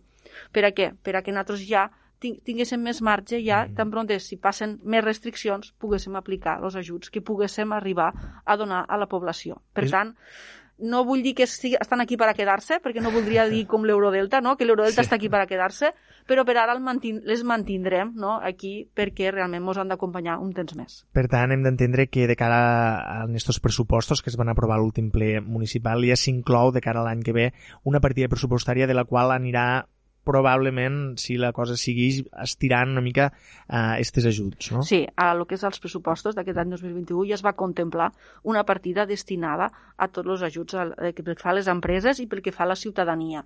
Eh, tenim un pressupost, tenim el que teníem i el que s'ha intentat pues, és treure una mica de cada partida important, no? un 10%, per a que tots poguessin contribuir. Si realment després tot això se, se, ja no es necessiten aquestes ajudes, doncs tornaran, que us diguéssim, tornaran al seu lloc, no? que vol dir que possiblement podrem fer festes, podrem fer altres coses, però mentre no de, han de ser previsors i treure doncs, una part d'aquestes petites, d un import de cada partida mm. destinats a aquests ajuts, tant sigui a nivell empresarial com a nivell de la ciutadania. Els ajuts que vau convocar um, tot just després que es convoqués l'estat d'alarma, vaja, després de Setmana Santa, això va ser al, al març, vam estar tot l'abril, el maig, Setmana Santa, i el juny, si no m'equivoco, va, va obrir la convocatòria de la primera línia d'ajuts. Uh -huh. Encara no se sabia si si s'acabarien realitzant, per exemple, les festes d'agost, per tant no es podia disposar de més partida pressupostària, però ara, de cara a final d'any, com tu has dit, sí que se pot fer uns càlculs de lo que s'ha gastat, el que no s'ha gastat, Clar, ara nosaltres ja estàs, és a dir, tens uns números més clars, més concrets i, i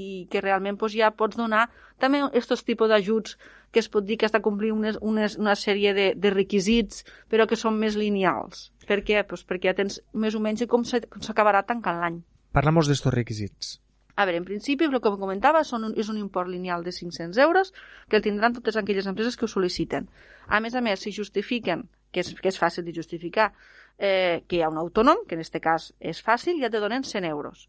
Si a més a més tens un autònom familiar no, dins del mateix negoci i el justifiques amb el rebut d'autònom i l'alta de l'autònom de la Seguretat Social, ja tens 75 euros. Uh mhm. -huh. Si realment aquest autònom eh, no és un familiar, sinó que és un soci, no, que tens, doncs ja tens 50 euros. Uh -huh. Si l'activitat ha estat obligada a tancar i realment no has pogut mm, reinventar-te ni tens una és a dir, alguna activitat... Has hagut de baixar persiana, que diuen. Correcte, que sí o sí la teva activitat has hagut de baixar persiana o per la tipologia doncs, no pots reinventar-te, no tothom pot fer el servei a domicili, no? Perquè mm -hmm. doncs, llavors tens dret a 100 euros més. És a dir, per exemple, en aquest cas, imaginem que és un local que fan només banquets de boda per Correcte. exemple, i que no faran menjar a domicili per a quatre Molt bé, persones. doncs ja tenen 100 euros. Imagina't, una perso jo, jo poso un exemple, una persona física és una autònoma, no? Uh -huh. que eh, estic jo i està la meva parella pues llavors ja hi tinc, tinc un bar-restaurant que jo resulta que faig catering només especials per a comunions, bodes i mhm. coses així, i que ara pues, no, no, no es pot fer.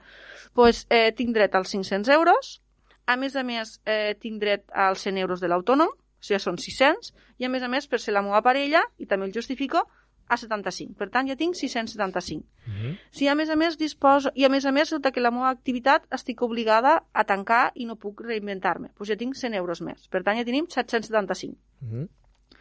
Si, a més a més, és a dir, màxim són 800, vull dir que aquesta persona ja arribaria al màxim. Què passa? Que si a més eh, puc justificar, també, doncs que no, realment no, no, no, està, no he estat obligada realment a tancar perquè he pogut fer un takeaway o mm -hmm. el que sigui, doncs que tinc un lloguer, tinc un, en aquest cas tinc el lloguer del, del local o tinc una hipoteca, una hipoteca sobre el, aquell local. també tinc 100 euros. Un préstec, imagina't, tinc una furgona que l'he fet per l'activitat, justifico, doncs també tinc un préstec com, comprada a, a, a través de l'empresa, diguéssim. Correcte, doncs llavors també tinc dret a 100 euros.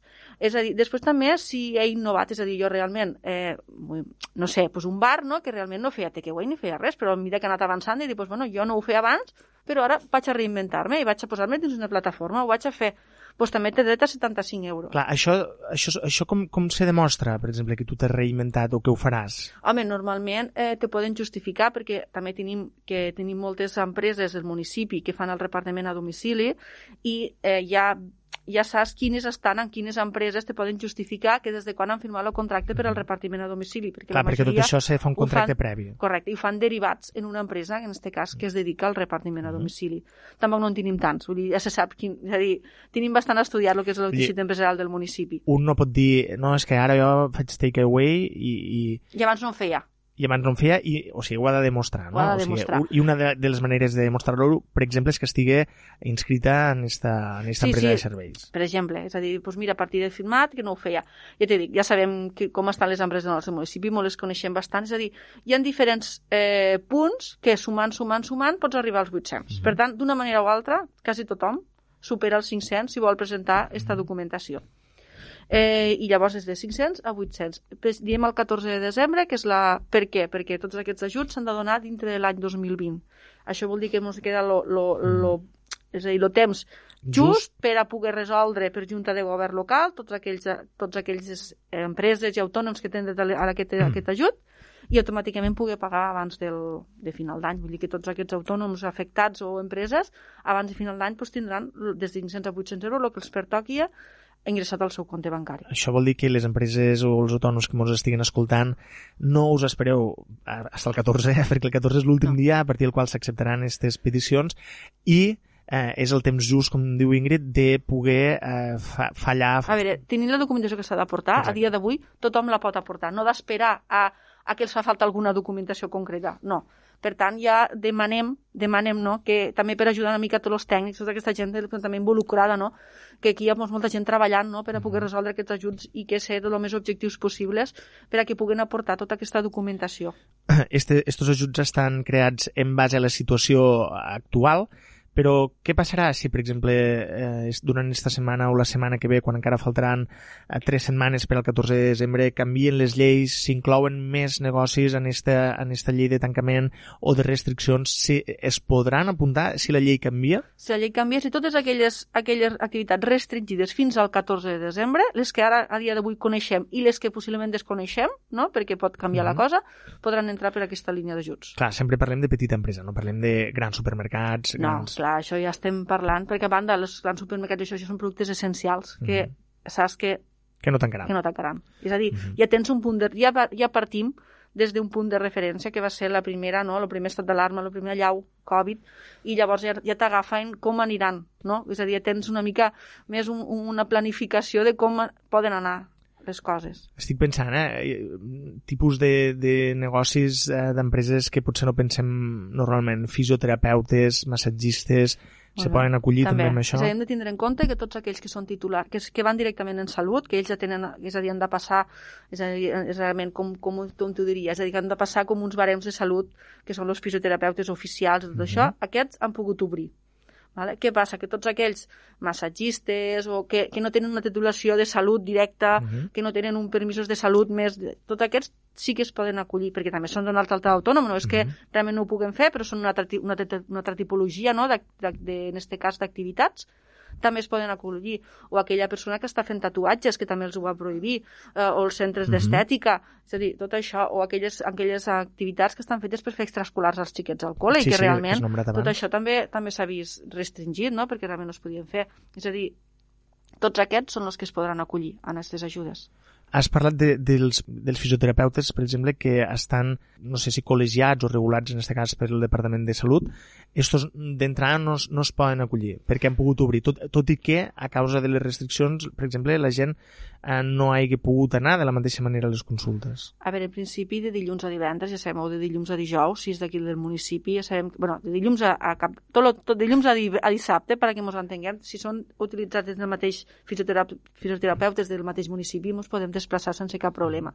Si són d'altres poblacions, pues sabem que de dilluns a dijous eh, hi ha llibertat de, de trànsit i és de cap de setmana. Sí, me referia a la temor que poden tindre alguns. Eh? Igual que els centres eh, d'estètica que a partir d'ara ja, ja podran obrir a partir del 23, si no m'equivoco. No, els centres d'estètica Ah, a aquesta setmana d'esta setmana passada ja va sí, sí, ser sí, exacte. ràpid. Sí. Sí, de manera en atenció individualitzada, que diuen que això és una cosa que no entenc, potser tu m'ho podràs explicar, eh, que, perquè m'imagino que quan vas a l'esteticient ja et fan atenció individualitzada. A veure, dir, jo no, lo que- no fan una depilació popular, per ja, exemple. No, a veure, jo el que interpreto no, és que també és molt, ha, de ser, ha de ser difícil, no?, des de cara a la Generalitat, que tots els establiments són iguals. Claro, no, no podem comparar un establiment d'un centre d'estètica d'aquí del nostre municipi, que potser només està la- la- la- l'esteticient, no?, que Que t'agafen coneixem, d'un en un. que t'agafen d'un un i potser té una altra treballadora i t'agafen d'un un, a aquells grans centres d'estètica no? que poden llaure pues, a altres poblacions molt més grans, no? en aquest cas ciutats, que possiblement allí hi ha més giro, que si unes ungles, que si no sé què, que... és a dir, que realment sí que tens un part més privat, però una part que és més pública i que realment pots estar al costat d'una altra persona que s'està fent, està fent ungles, no sé, és, és un dir, Sí, no? sí, sí, sí. Una, una manicura. Llavors jo crec que és com això, com també el tema, del, del tema esportiu, també pues, que malauradament pues, també han trencat el centre esportiu del Delta no? I, i possiblement no podem comparar el centre esportiu del Delta en un centre esportiu D'una ciutat. capital. Per tant, tot això potser també, eh, també fa que no les mateixes, és a dir, la mateixa restricció pues, afecta de manera diferent. Llavors, pues, això és el mateix. La cita prèvia és que tu quan vas a l'esteticient, perquè nosaltres estem acostumbrats a que les nostres esteticients pues, realment són petites esteticients o petits centres d'estètica que que realment ja estan complint, perquè a més a més són els primers que també han de tindre en compte, que també tenen, tenen les seues famílies. Clar. Eh, I per tant són ells els primers que també volen que, que seguir les mesures de, de neteja, de prevenció i tot, perquè clar, ells després també també se'n van a la seva casa i també tenen els seus fills i també se'n van els seus pares. Per tant, jo crec que la consciència de que la gent estem fent les coses bé o intentem fer-les el millor possible, crec que està. I aquí s'ha demostrat també al municipi. Els comerços i negocis que vulguin acollir-se en aquesta línia d'ajuts, com ho poden fer? A veure, directament doncs, poden trucar en un telèfon, que és el mateix que teníem obert eh, a la primera onada del Covid, no, d'ajuts, que és el 622 015 070, que és un telèfon per poder demanar cita prèvia i informació. I a banda també tenim un correu, un correu electrònic, que és accioncomercial arroba deltebre.cat. També tots han rebut, tots els negocis han rebut aquest, eh, una explicació de com demanar aquesta, aquesta línia d'ajuts, també aquest telèfon, és a dir, realment és com a reiterar no? que Mhm. com poden perquè pugues posar un ordre i una cita prèvia i també pues, complir les mesures de prevenció de cara també als nostres tècnics. Recordem-ho, 622 015 070, 622 015 070 és el telèfon, i el correu electrònic accioncomercial arroba deltebre.cat. També, òbviament, poden vindre de manera presencial a preguntar. A veure, recomanem... A veure, la, el que és l'espai està obert, però clar, si donem cites és perquè la gent ve Clar. amb cita i ja fas un ordre, intentes, i no intentes, se neteja després d'una cita, de l'altra cita, intentes facilitar moltes coses per correu electrònic, és a dir, llavors recomanem que la gent no costa res, una trucada, un correu electrònic eh, i realment estan els nostres tècnics doncs, per assessorar lo, lo, millor, lo millor possible no? i evitar no? Vis- visites que, no, que realment no puguen ser més eficients, no? que en una trucada es pugui resoldre i així doncs, evitem els contactes. 622 015 070 acció comercial arroba deltebre.cat Ingrid, no sé si vols afegir alguna cosa més en, este, en esta informació que avui ens has facilitat sobre esta segona línia, esta segona convocatòria d'ajuts a les empreses i comerços del nostre poble. A veure, eh, l'únic que voldria afegir doncs, és que la gent doncs, siguem, siguem estan així conscienciats, no? amb distància, mascareta, neteja de mans, que crec que ho estem fent la majoria molt bé, no? i que realment doncs, esperem que la cosa doncs, se pugui estar controlada per iniciar aquesta campanya de Nadal no? i pugui, en aquest cas, doncs, que tothom, ara és el moment d'estar al costat del nostre comerç més que mai, i que realment tenim productes eh, de molta qualitat, tenim una atenció personalitzada i, per tant, iniciem aquests, aquests regals de Nadal, fem-ho aquí al nostre poble. Comprem al nostre poble. És eh, com aquella campanya no? que davant de la gran plataforma de compres online en línia Amazon que té un somriure, no, no sé si l'has vist aquesta campanya, sí. és fer somriure el comerciant del costat de casa teua, no? en en lloc de, de les grans multinacionals. Sí, així és, així és. Doncs en aquestes paraules donem per acabada l'entrevista d'avui. Ingrid Santiago, regidora de Personal i Acció Comercial de l'Ajuntament de Deltebre. Moltes gràcies, endavant amb les ajudes. Esperem que no se n'hagin de donar moltes més, perquè voldrà dir que tenim la pandèmia controlada de cara a l'any que ve. Moltes gràcies, Ingrid, i fins la pròxima. Gràcies a vosaltres.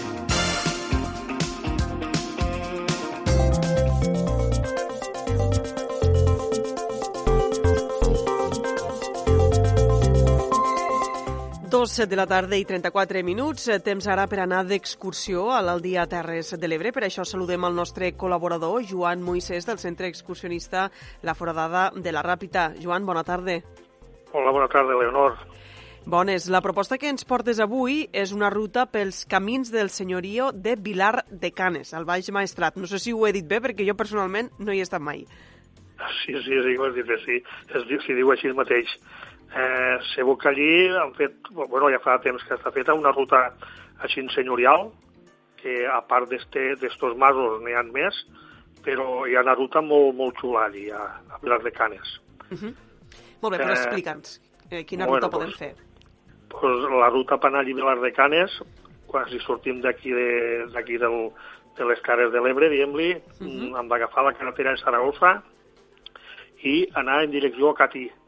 Uh -huh. Passem Catí i ja quan eh, arribem al cruce del al, al Bocàsser i, i Benassal, ja veiem el poble enfrente nostre, en busca de Vilar de Canes. Arribem a Vilar de Canes, podem deixar el cotxe a, a l'entrada o dins mateix del poble, que està la, la iglesia. Uh -huh. És allí on es comença i, i final de- d'etapa de l'itinerari. Molt bé. Vale? Uh -huh. Hem de dir que per anar, bueno. per anar a Vilar de, Car, uh, de Canes tenim una horeta bona de cotxe, no?, abans d'arribar. Sí, sí, sí perquè un hi haurà sobre d'aquí de la Ràpita per lo menos uns 70 quilòmetres por ahí. Uh -huh. Però bueno, si són Si rutetes matina, arribarem a hora. Sí, no? ara no podem anar, eh? No, ara no, ens haurem no d'esperar. anar, Sí, sí. però bueno, la tenim, És- la tenim apuntada. Això, ens ho apuntarem bueno, per a quan poguéssim sortir de Catalunya. Molt bé, molt bé, molt bé, Leonor. Allí a la, pla, a la iglesia, a la plaça de la iglesia, eh, podem també deixar el cotxe i si no, per allí perquè no hi ha molta gent. I allí hi ha un cartell grandíssim, que no sé si fa dos per tres, molt gran, i allí estan tots els itineraris que es poden fer, però este dia farem esta del, dels caminos del senyorio per anar a la mar, al, al mar del senyor. Eh? T'explico? Al mar del senyor. Sortiríem, sortiríem d'allí del Vilar de Canes, d'allí on està mateix l'Ajuntament i l'Església, Uh -huh. i hi ha un cartell d'indicació, i baixem per un carrer i mos trobem per la carretera, que va a la Torre d'Envesora. La, la creuem i allí hi ha, hi ha un cartell que fica Mar del Senyor. Anem seguint, se- en tot este itinerari és tot de, de pista, pista de terra, una miqueta Mhm. d'hormigó, però tot pista de terra, apte per tothom Molt bé. que hi, ha, hi haurà uns, uns 8, 8 quilòmetres, un parell d'horetes, més o menys, ¿vale? Un parell d'horetes. Uh -huh. Pues bueno, anirem, anirem sortint de Vilar de Canes i fins a arribar al Mar del Senyor. Deurem tindre mitja horeta, tres quarts, fins al Mar del Senyor. Eh, allí al Mar del Senyor eh, era, primer era un gran poblament del segle XIV. Uh -huh. És un mas fortificat. Allí que podem trobar és la presència de- de- d'un antic fort de, de coure pa, Mhm. explotació d'una carbonera, una teuleria per a produir rajoles i, i teules. Vale? Allí Mhm. al, al Mar del Senyor hi ha una font també i està tot indicadet. Molt bé. Allí també podem trobar que hi ha unes casetes rurals, que també hi ha gent que van a passar l'estiu, o, bueno, les cases rurals que es diuen, Uh -huh. i d'allí ja, ja anem seguint pel mateix camí, i tot indicadet, mos trobem en unes plaques solars, que n'hi ha un munt, si tombem la vista, verem al, a llunar, verem el poble de Culla, que està dalt de la muntanya. I és bonic perquè, ui, mira, Culla, està allà dalt. Uh -huh. Molt bé. Molt bé, anem, anem seguint sense perdre-nos, sense mullar la pista i arribem a un altre, a un altre, a un altre mas que també allí vivien, no sé, igual vivien 20 o 25 persones també allí, que es diu el Mas de Romeu. Uh -huh. La, la herència rural del passat, allí hi ha moltes casetes de pastor, pous, cisternes, aljubs, fonts i masies. Eh, tot això ja està quasi tot en runes, però bueno, és, és bonic de, de, de veure-ho, de passar per fora, Mhm. eh, veure i, i entre nosaltres parlar de dir, mare, el que feien els antepassats, i veure com està ara i com devia estar llavors, ¿vale? Molt bé. Una vegada allí, visitem allí, allí també hi ha un aljub d'aigua tot, que és el que hi ha, i anem seguint pel camí, hi ha una baixadeta i una pujadeta, i després ja ja veiem el poble de, de Vilar de Canes, portarem sobre una horeta. So, la ruta és d'un un parell d'horetes. Hi ha 8 quilòmetres, no arriba, 8 quilòmetres. Uh -huh. I verem el poble de, ja de, de Vilar de Canes i allí el que trobarem a la voreta mateix del camí, trobarem una bassa gran que allí hi ha uns pous, se diu els pous, perquè és una, és una històric manantial subterrani. Molt bé. Vale? Allí hi havia uns pous, eh, ja et dic, que és històric, un històric manantial subterrani. I una vegada ja hem visitat eh, tres, tres coses, el Mas del Senyor i el Mas de Romeu i els Pous, llavors ja fins i arribem al que és el Vilar de Canes. Molt bé. I, Esta i ruta... fins de l'excursió. Uh -huh. Mos has comentat que té més o menys una, un recorregut d'uns 8 quilòmetres i pel que fa al Sí. temps, eh, unes 2-3 hores aproximadament, i també dependrà Sí, de si fem aturades no? al mig del camí. Sí, tres hores per a- si fas aturades. Uh -huh. L'altre dia, bueno, l'altre dia vam anar jo i dos, i dos xics més i la- ens va costar dues horetes, però vam fer fotos, vam, vam estar allà esmorzant, però do- dos horetes tranquils i apte per, ja et dic, apte per tothom, perquè només hi ha una sendereta que és la que vas a la teuleria, que està baix al barranc, Molt fàcil d'anar, i tot el més tot és pista de terra i dormigó, vull Molt- dir que és facileta, Mos has, tu. mos comentat que al llarg del recorregut mos anirem trobant vestigis no? de- d'esta herència rural, eh, masos, Sí, eh, sí, antiques sí, sí. estructures, no sé si paisatgísticament també és Molt una bé. ruta d'interès. Molt bé, sí, sí, sí. Així d'aquí cada... Dona, aquestes rutetes també van bé perquè eh, sortir fora de per aquí a les voltes nostres Sí, sí. també hi ha cosetes així boniques com ara això que parlem aquí de la Vilar de Canes. Uh -huh. ja, ja és una, una altra cosa, ja és una, altra- un altre ventillo. Tot és bonic, però eh, és una altra cosa. I llavors, doncs, no sé, és una ruteta que m'agrada a mi també uh -huh. estar així i que la coneixi gent, vaiga. Molt bé, doncs molt apuntem. Camins del senyorio de, de Vilar de Canes, una ruta de, que podem fer al Baix Maestrat, d'este recorregut aproximadament d'uns 8 quilòmetres i dues hores de, de trajecte, per dir-ho així. Eh, Joan, em deixa aquí, que ja no tenim més temps. Gràcies un dilluns més Vale, per, gràcies. per, pro, per proposar-nos una sortideta. Vale, gràcies a tu, Leonor. Bona tarda. Vinga, adeu, fins a la pròxima. Adéu, adéu.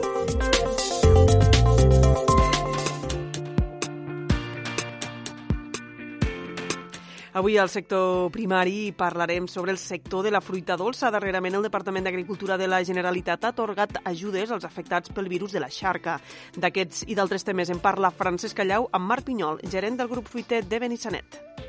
El sector de la fruita dolça és un dels sectors importants a les Terres de l'Ebre i més concretament a la Ribera d'Ebre. N'hem parlat en altres ocasions i també volem aprofitar per fer un repàs a tot el que l'envolta, des de les mesures que s'han hagut d'aplicar aquest any a causa de la Covid-19, a fer un repàs i un balanç de com ha anat la temporada, o fins i tot les últimes notícies que apunten a alguns ajuts que ofereix la direcció o el Departament d'Agricultura de la Generalitat de Catalunya cap a aquells agricultors que hagin vist pues, que els seus arbres hagin estat afectats pel virus de la, de la xarca. Per parlar i per fer un repàs a tot plegat, avui hem convidat al programa Marc Pinyol, que és eh, gerent del grup fruiter de Benissanet. Marc Pinyol, què tal? Bon dia. Hola, molt bon dia. Bueno, comentàvem que aquest any suposo que la campanya de la fruita ha estat eh, afectada plenament per la Covid-19, començant per les mesures que s'havien d'aplicar. Eh, per tant, diguéssim que un any no habitual, un any de no normalitat, doncs, no? Bueno, ha sigut un any diferent, raro. Eh, a l'hora de treballar la fruita has tingut que muntar moltes mesures de seguretat, des de, des de l'entrada fins a la sortida de tot, però bueno, s'ha pogut tirar endavant i per sort no hem tingut cap cas en tot l'estiu. A l'última hora, quan ja no quedava ningú, vaig agafar jo el Covid. L'única persona en tota l'empresa que ha agafat el Covid ha sigut jo. En tot cas, bueno, això no vol dir que no s'hagin aplicat bé les mesures, no? Que el que Mm. està a la part més alt de la piràmide al final hagi agafat, agafat eh, o s'hagi Bueno, no, perquè contagiat, no? Sí, eh, bueno, perquè et relaciones amb la gent, també, potser, no sé, no, o perquè no ho saps mai. Però, la veritat, la, tra- la gent que venen a treballar aquí, eh, tant a camp com a magatzem, ho han, ho han bueno, que, que realment els mateixos treballadors han sigut molt conscients de, de la realitat quina és i l'empresa ha posat els mitjans que tenia que posar segons les normes que hi havia en aquell moment eh, perquè això no passés i no ha passat. Per tant, bé.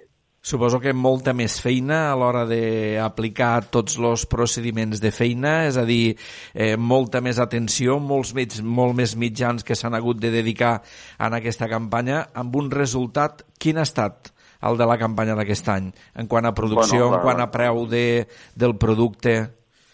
La, la campanya ha sigut més baixa en quilos, aquí la comarca els quilos han baixat per les arrencades que ha hagut per el tema de la xarca, que abans has comentat, eh, i per la davallada de quilos que ha hagut normal de per si de les varietats que han produït menys, però bueno, es pot dir que ha sigut una campanya molt exitosa en preu, perquè s'ha assolit un preu pràcticament de 60 cèntims per pagès, de tots els productes, un conjunt de tots els productes. Eh? Hi ha hagut de més cars i més barats, però el conjunt de tota la... De tota la... Si féssim un resumen de la comarca, doncs podríem parlar d'aquests números i parlar d'aquests números de promijos, això és un gran preu, que potser en...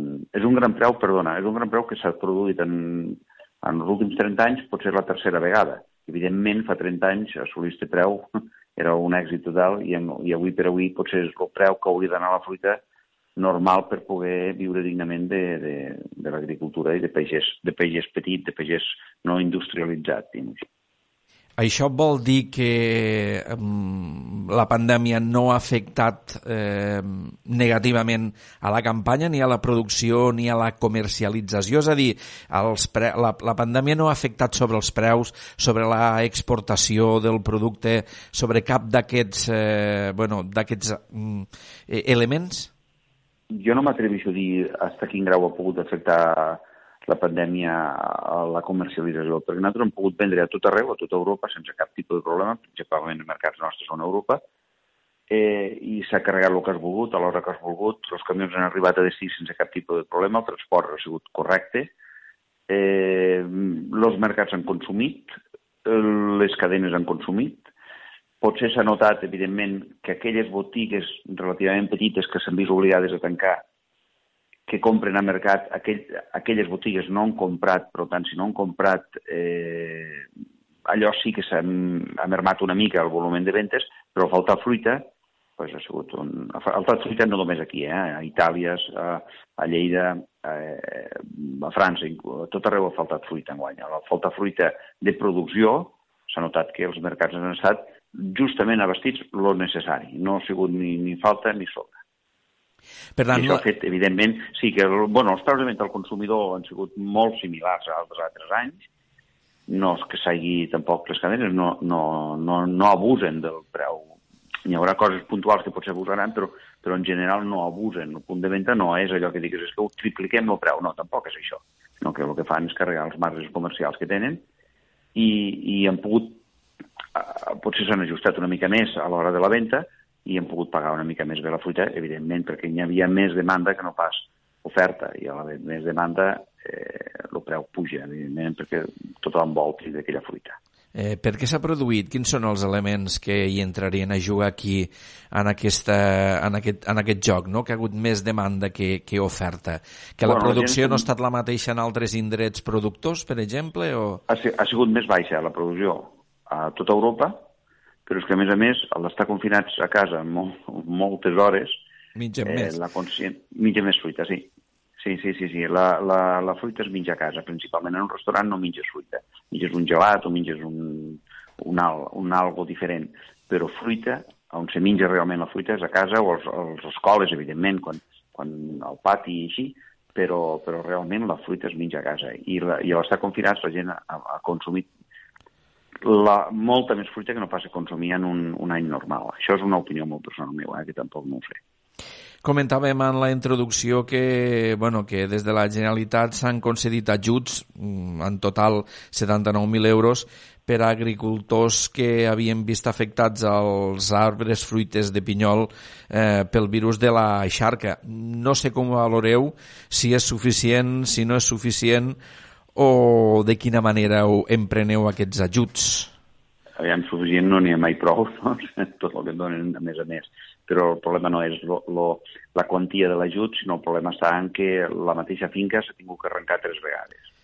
I això vol dir que no és viable eh, cultiu tal com ho teníem aquí, més massificat, se continua cultivant, eh, se mermarà un 20 un 30% la producció, doncs perquè un pagès gran ja diu jo ara ja fico un altre cultiu, que s'estan mirant altres cultius, l'ameller, l'oliver, eh, bueno, se manté vinya, i, i ara farem proves en, en kiwis, eh, diferents altres cultius, inclús s'està provant algo d'horta, eh, s'han plantat carxofers a la comarca que feia molts anys que no n'hi havia, una sèrie de cultius que, que són alternatives a la fruita en aquells bancals on, evidentment, el donat un ajut t'obliguen a estar 4 anys eh, sense poder plantar fruita d'os allí i mires altres, altres possibilitats. La gent s'ha anat fent gran, evidentment l'agricultura és de gent gran, aquí no, per sort, el poble que vic jo, que és Benissanet, la gent és jove, l'agricultura pues, eh, eh, continua estant mantenint-se i, i la gent vol viure de l'agricultura. Per tant, penso, penso que continuarà havent-hi producció de fruita alternada en altres cultius que buscaran la viabilitat d'aquelles finques que no pots tornar a repetir per quart, quarta vegada, inclús planta, arrencar una, una finca per xarca, rebre ajut. L'any següent, plantada, mm, al cap de dos anys tornar a tindre que arrencar per falta d'edat no t'ajuden, perquè quan és arbre petit no t'ajudaven, eh, bueno, una sèrie de conseqüències que fan que busques alternativa. Clar, quan en un pagès eh, l'obliguen o es veu obligat a arrencar i a destruir plantacions de presseguers, de nectarina que s'han vist afectades per, per aquest virus, suposo que se li plantegen moltes coses, entre elles que hi ha una feina al darrere que pràcticament s'ha pues, de llançar, que és mala guanyada, mm, però per altra mm, que s'ha de canviar, suposo, la mentalitat després d'haver enfocat el seu negoci en aquell tipus de fruita, no, també? Clar, bueno, pensa que els diners s'acaben, no? El pagès, eh, mentre ha tingut un algo, ha anat reinvertint, però arriba un punt que això ja, ja no es pot. Si enguany hagués sigut un any com l'any passat, que va ser nefast pel, pel rendiment econòmic de, de la fruita, jo crec que la, la fruita aquí a la comarca hagués desaparegut. Cosa que ara, al ser un any bo, el pagès se pot continuar mantenint i, i bueno, a veure què passa l'any que ve. No hi ha cap mesura preventiva que es pugui aplicar per a que l'arbre no agafi... S'estan mirant, s'estan mirant alternatives, tractaments al terra, s'està mirant varietats, però bueno, tot això abans no tindrà resultat, doncs la prova la tenim en la vacuna del, del virus de, del Covid. que tot tarda, tot té un seu, seu temps i en agricultura encara més lento perquè has de veure la regió dels arbres no d'un any per l'altre o no en un mes, ho has de veure en diversos anys, que és el que passa. A quin percentatge del sector afecta aquest problema?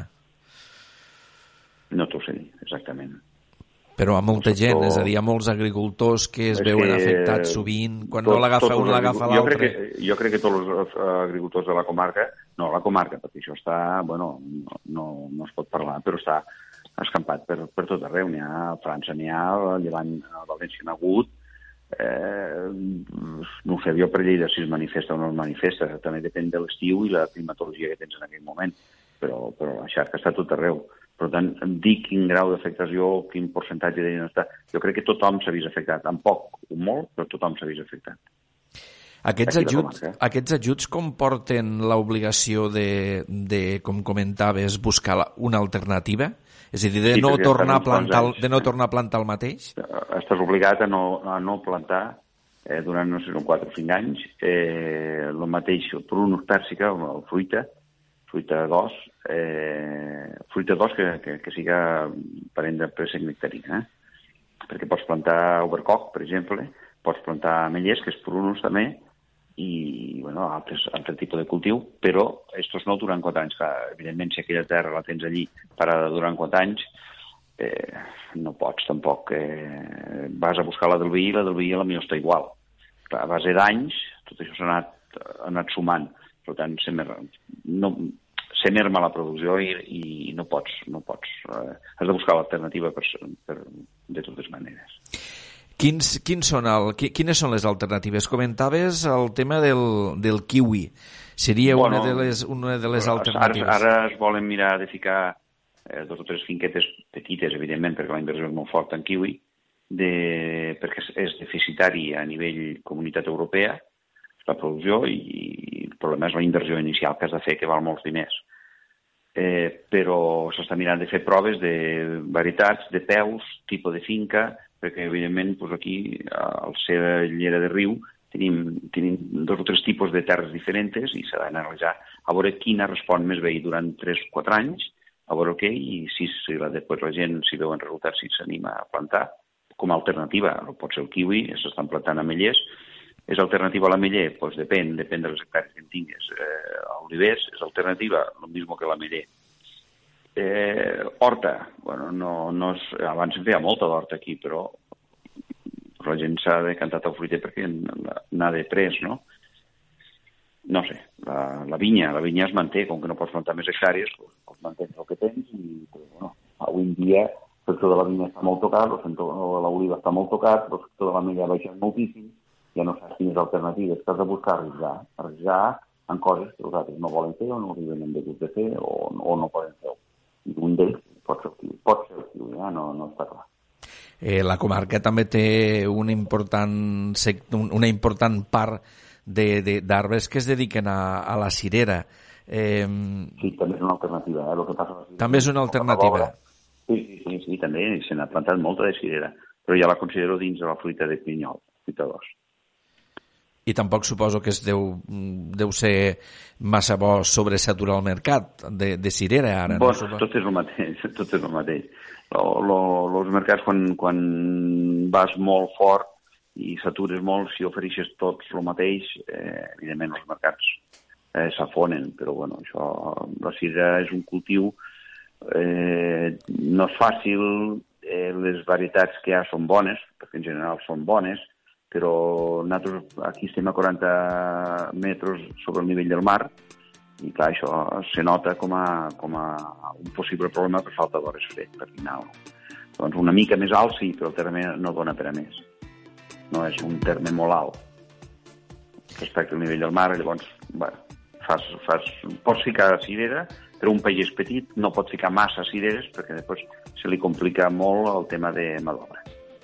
En tot cas, eh, suposo que aquests agricultors han tingut a bé o han valorat positivament aquest, eh, aquests, eh, aquests ajuts i com comentava mai són suficients eh, però bueno com es diu en castellà de lo perdido saca lo que puedas eh, Marc, escolta, moltíssimes gràcies per atendre'ns i, bueno, i seguim parlant eh, quan hi hagi alguna altra novetat del sector. Molt bé.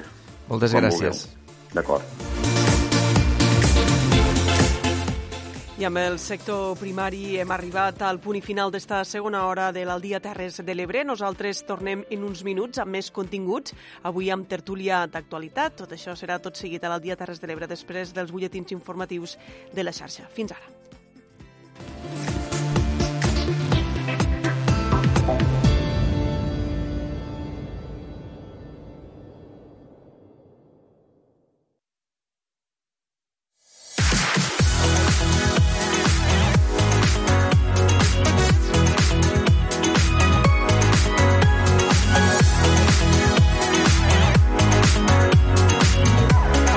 A Terres de l'Ebre, amb Leonor Bertomeu.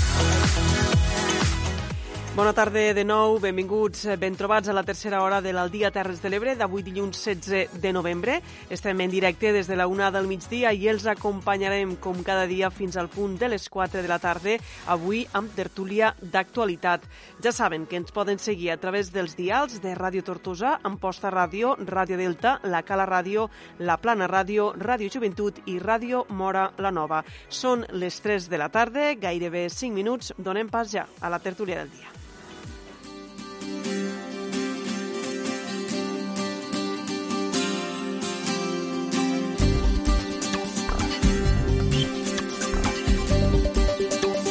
Al dia, la tertúlia. I per a començar amb la tertúlia, saludem en primer lloc els nostres convidats d'avui. Els tenim els tres via telemàtica. Per una banda tenim a Anna Tomàs, ella és portaveu del PSC a l'Ajuntament d'Amposta. Anna, bona tarda. Hola, bona tarda. També tenim a Toni Iniesta, exempleat de banca de Mas d'Enverge. Bona tarda. Eh, bona tarda a tothom. I Juan José Royo, empresari de la Sènia. Bona tarda també. Bona tarda. Bona tarda als tres. Gràcies per acceptar, com sempre, la, la nostra invitació. Fa unes setmanes, en esta mateixa tertúlia, vam parlar de la situació de Padessa. Ens trobàvem en plena segona onada de la Covid-19 a les Terres de l'Ebre. Ara, un mes després, podem dir que ens trobem una situació epidemiològica totalment diferent. Les dades van a la baixa, tot i que hem de dir que la situació als hospitals continua sent complicada. Entremig, però, hem tingut, per exemple, el tancament de bars i restaurants i centres d'estètica, eh, confinament perimetral de Catalunya, els confinaments en cap de setmana als municipis, un sacrifici que sembla estar donant bons resultats a nivell epidemiològic, però no sé si creieu que era necessari eh, arribar a aquest grau de tancament, ja que, com saben, el sector del bars, de, de la restauració, es troben en una situació límit i estan demanant poder tornar a obrir com, com abans millor. No sé com, com veieu vosaltres la situació ara mateix. Toni, si vols començar. Ah, bueno, jo abans que res, primer que res donar bona tarda, Anna, que és casualitat, però sempre que vinc coincidit... Bueno, diverses vegades sí. ella, eh, Anna. Sí, sí, bona tarda. Per cert, Anna, tu ets la dona d'Enric? Sí, molt bé, vale. la dona d'Enric. Ja ens, ja ens coneixerem.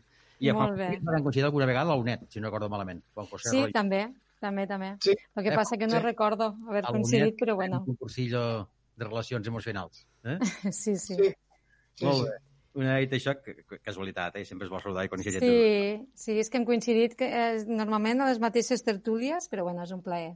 Vale. Bueno, mira, si ja que em toques començar a mi, eh, a veure, en aquesta vida tot se, va per a bé, partim d'esta base, no?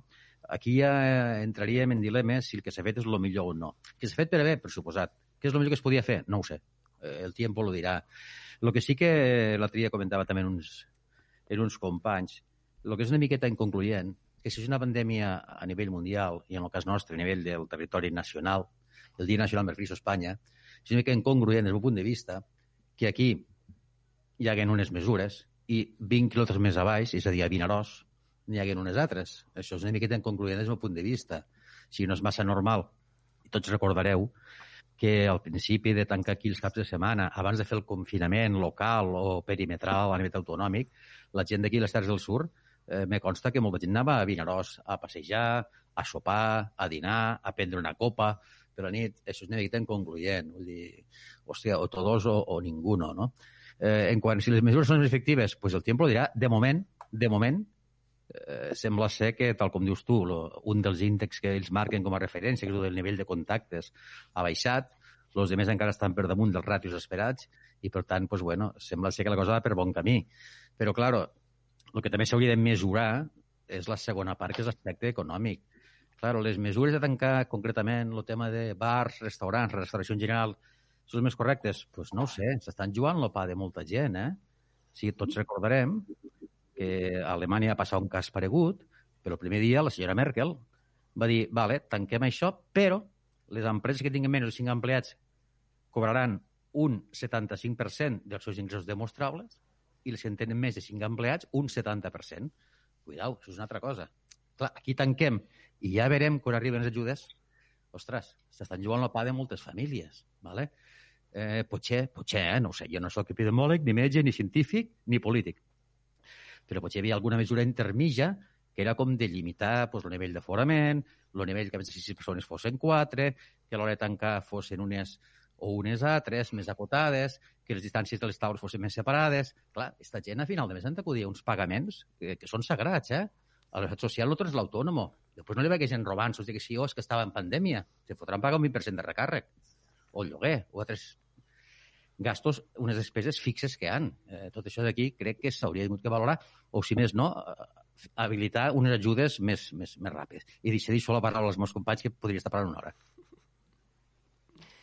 No sé qui vol parlar. A més a més, hem parlat també amb els sectors de, de la restauració que, bueno, que deien que han de recórrer a estalvis o a nous endeutaments per a fer front a la situació. Jo, jo el que crec és de que, a veure, hi han dos conceptes. Un és la salut i l'altre l'economia. I la salut i l'economia és complicada eh, mantindre-ho tot. És molt complicat mantindre-ho tot. Jo no sóc capaç de, de discernir què és el que és primer i què és el que és segon. El que sí que puc dir és una cosa. Si no hi ha salut, no hi haurà treball. Per lo tant, jo el que me pareix que aquí el que fan falta és que les medides complementàries que hauria d'haver és les que dia ell. que resulta que si una empresa té uns beneficis de 100 i n'hi donen 80, doncs ho podrà, ho podrà anar trampejant. Si no, no ho trampejaran. Per tant, jo no sé al final com acabarà, però és evident que és el moment, avui i ara, de ficar els diners damunt la taula per pa, pa potenciar tot el que és la, tot el que és lo, lo, la medicina, els científics, i sobretot ficar damunt de la taula diners per compensar les pèrdues que hi ha perquè són, seran milionàries i serà, serà molt difícil. Però jo penso que ara és el moment de ficar els diners, de, de, de dir, a veure, què són primer les persones i, i si no ho fem així, doncs ens trobarem en un problema. Per tant, mm, ja dic, no sóc capaç de saber què és més important, a pesar que jo em penso, jo em decantaria per la salut, primera. I segona, que el govern ha de ficar damunt la taula les compensacions que siguin necessàries perquè les empreses se mantinguin. De lo contrari, això pot ser una catomba. Anna. Bueno, me sembla que ara ja vaig jo. Bueno, eh, és, és, és el que dia igual els meus companys, com José com Toni, és complicat eh, posar la balança que pesa més si la salut o, o l'economia. Jo crec que s'ha de fer un equilibri. Personalment, sempre me costa una mica parlar d'aquests temes sense llevar una mica la faceta meva política, eh, però crec que potser s'hagués pogut buscar alguna fórmula de que no hagués sigut tot tan lineal a tothom, perquè de vegades no és el mateix aplicar una llei a, a capitals més grans com puguen ser Barcelona, en quan en, que tan, tenen bars i restaurants en molta afluència de gent, com pugui ser un bar o un restaurant de les nostres terres o inclús de pobles petits, que és l'únic bar que hi ha, que és un nucli on se troba la gent i a part de ser un lloc de que puguis anar a prendre alguna cosa o dinar o sopar, també és, una, és un lloc de trobada de, de, de la gent que viu en aquell poble petit. Llavors, eh, potser s'haguessin pogut fer d'una altra manera i haver buscat fórmules que haguessin sigut diferents depenent de, del volum de, de ciutadans de les poblacions o del nivell de, de risc que ara és per totes les poblacions. Mirava matí TV3 i quan posa baix els nivells de, de contagi eren tots altíssims a totes les poblacions, eh? se'n salven molt poques. Però una segona faceta, que, que una segona part en la qual jo me decanto en el tema polític seria de que eh, s'han d'ajudar a estos eh, comerciants, a estos empresaris i a estos autònoms que han tingut que baixar la reixa i han tingut que tancar primer per 15 dies i després ja s'ho allargat més el seu negoci i que els estalvis els han estat perdent ja eh, aquells estalvis que poguessin fer eh, durant la, la situació que vam tindre des del mes de març fins al juny i que ara que se ve una mica que se començaven a recuperar sense tindre beneficis, eh, se torna a tancar el seu negoci. Eh, jo crec que l'organisme, que en aquest cas ha sigut la Generalitat, que ha tingut que ha aplicat aquesta norma de tancament, parlo de Catalunya, eh, de, de negocis i de bars i restaurants i centres d'estètica, que és un altre tema que no, no l'entenia el motiu de per què aquests centres tenien que tancar, però bueno, això seria un altre debat, tenien que haver aplicat unes ajudes directes i a fons perdut per immediates. I resulta que han fet unes ajudes en les quals els autònoms o empresaris han tingut que demanar-ho i allò ha sigut eh, a veure qui corria més i en espentes i, i d'una manera lamentable en la situació en la que ens trobem perquè només han pogut accedir aquells que ten, han tingut més facilitat de manera informàtica o de manera de, que tenien més recursos en els temes d'arribar a internet a, a, a casa seva, de poder demanar aquestes subvencions que han estat tallades. És a dir, si apliques una norma has de saber que hi ha unes conseqüències i que aquestes conseqüències s'han de veure eh, pal·liades pel mateix organisme i, i en ajudes directes i immediates perquè la gent no es veigués ofegada.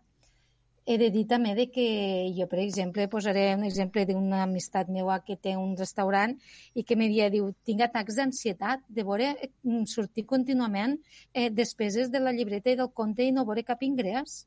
És a dir, a part de la salut eh, i de l'economia, també la salut mental en la qual, en la qual ens estem ben afectats, eh?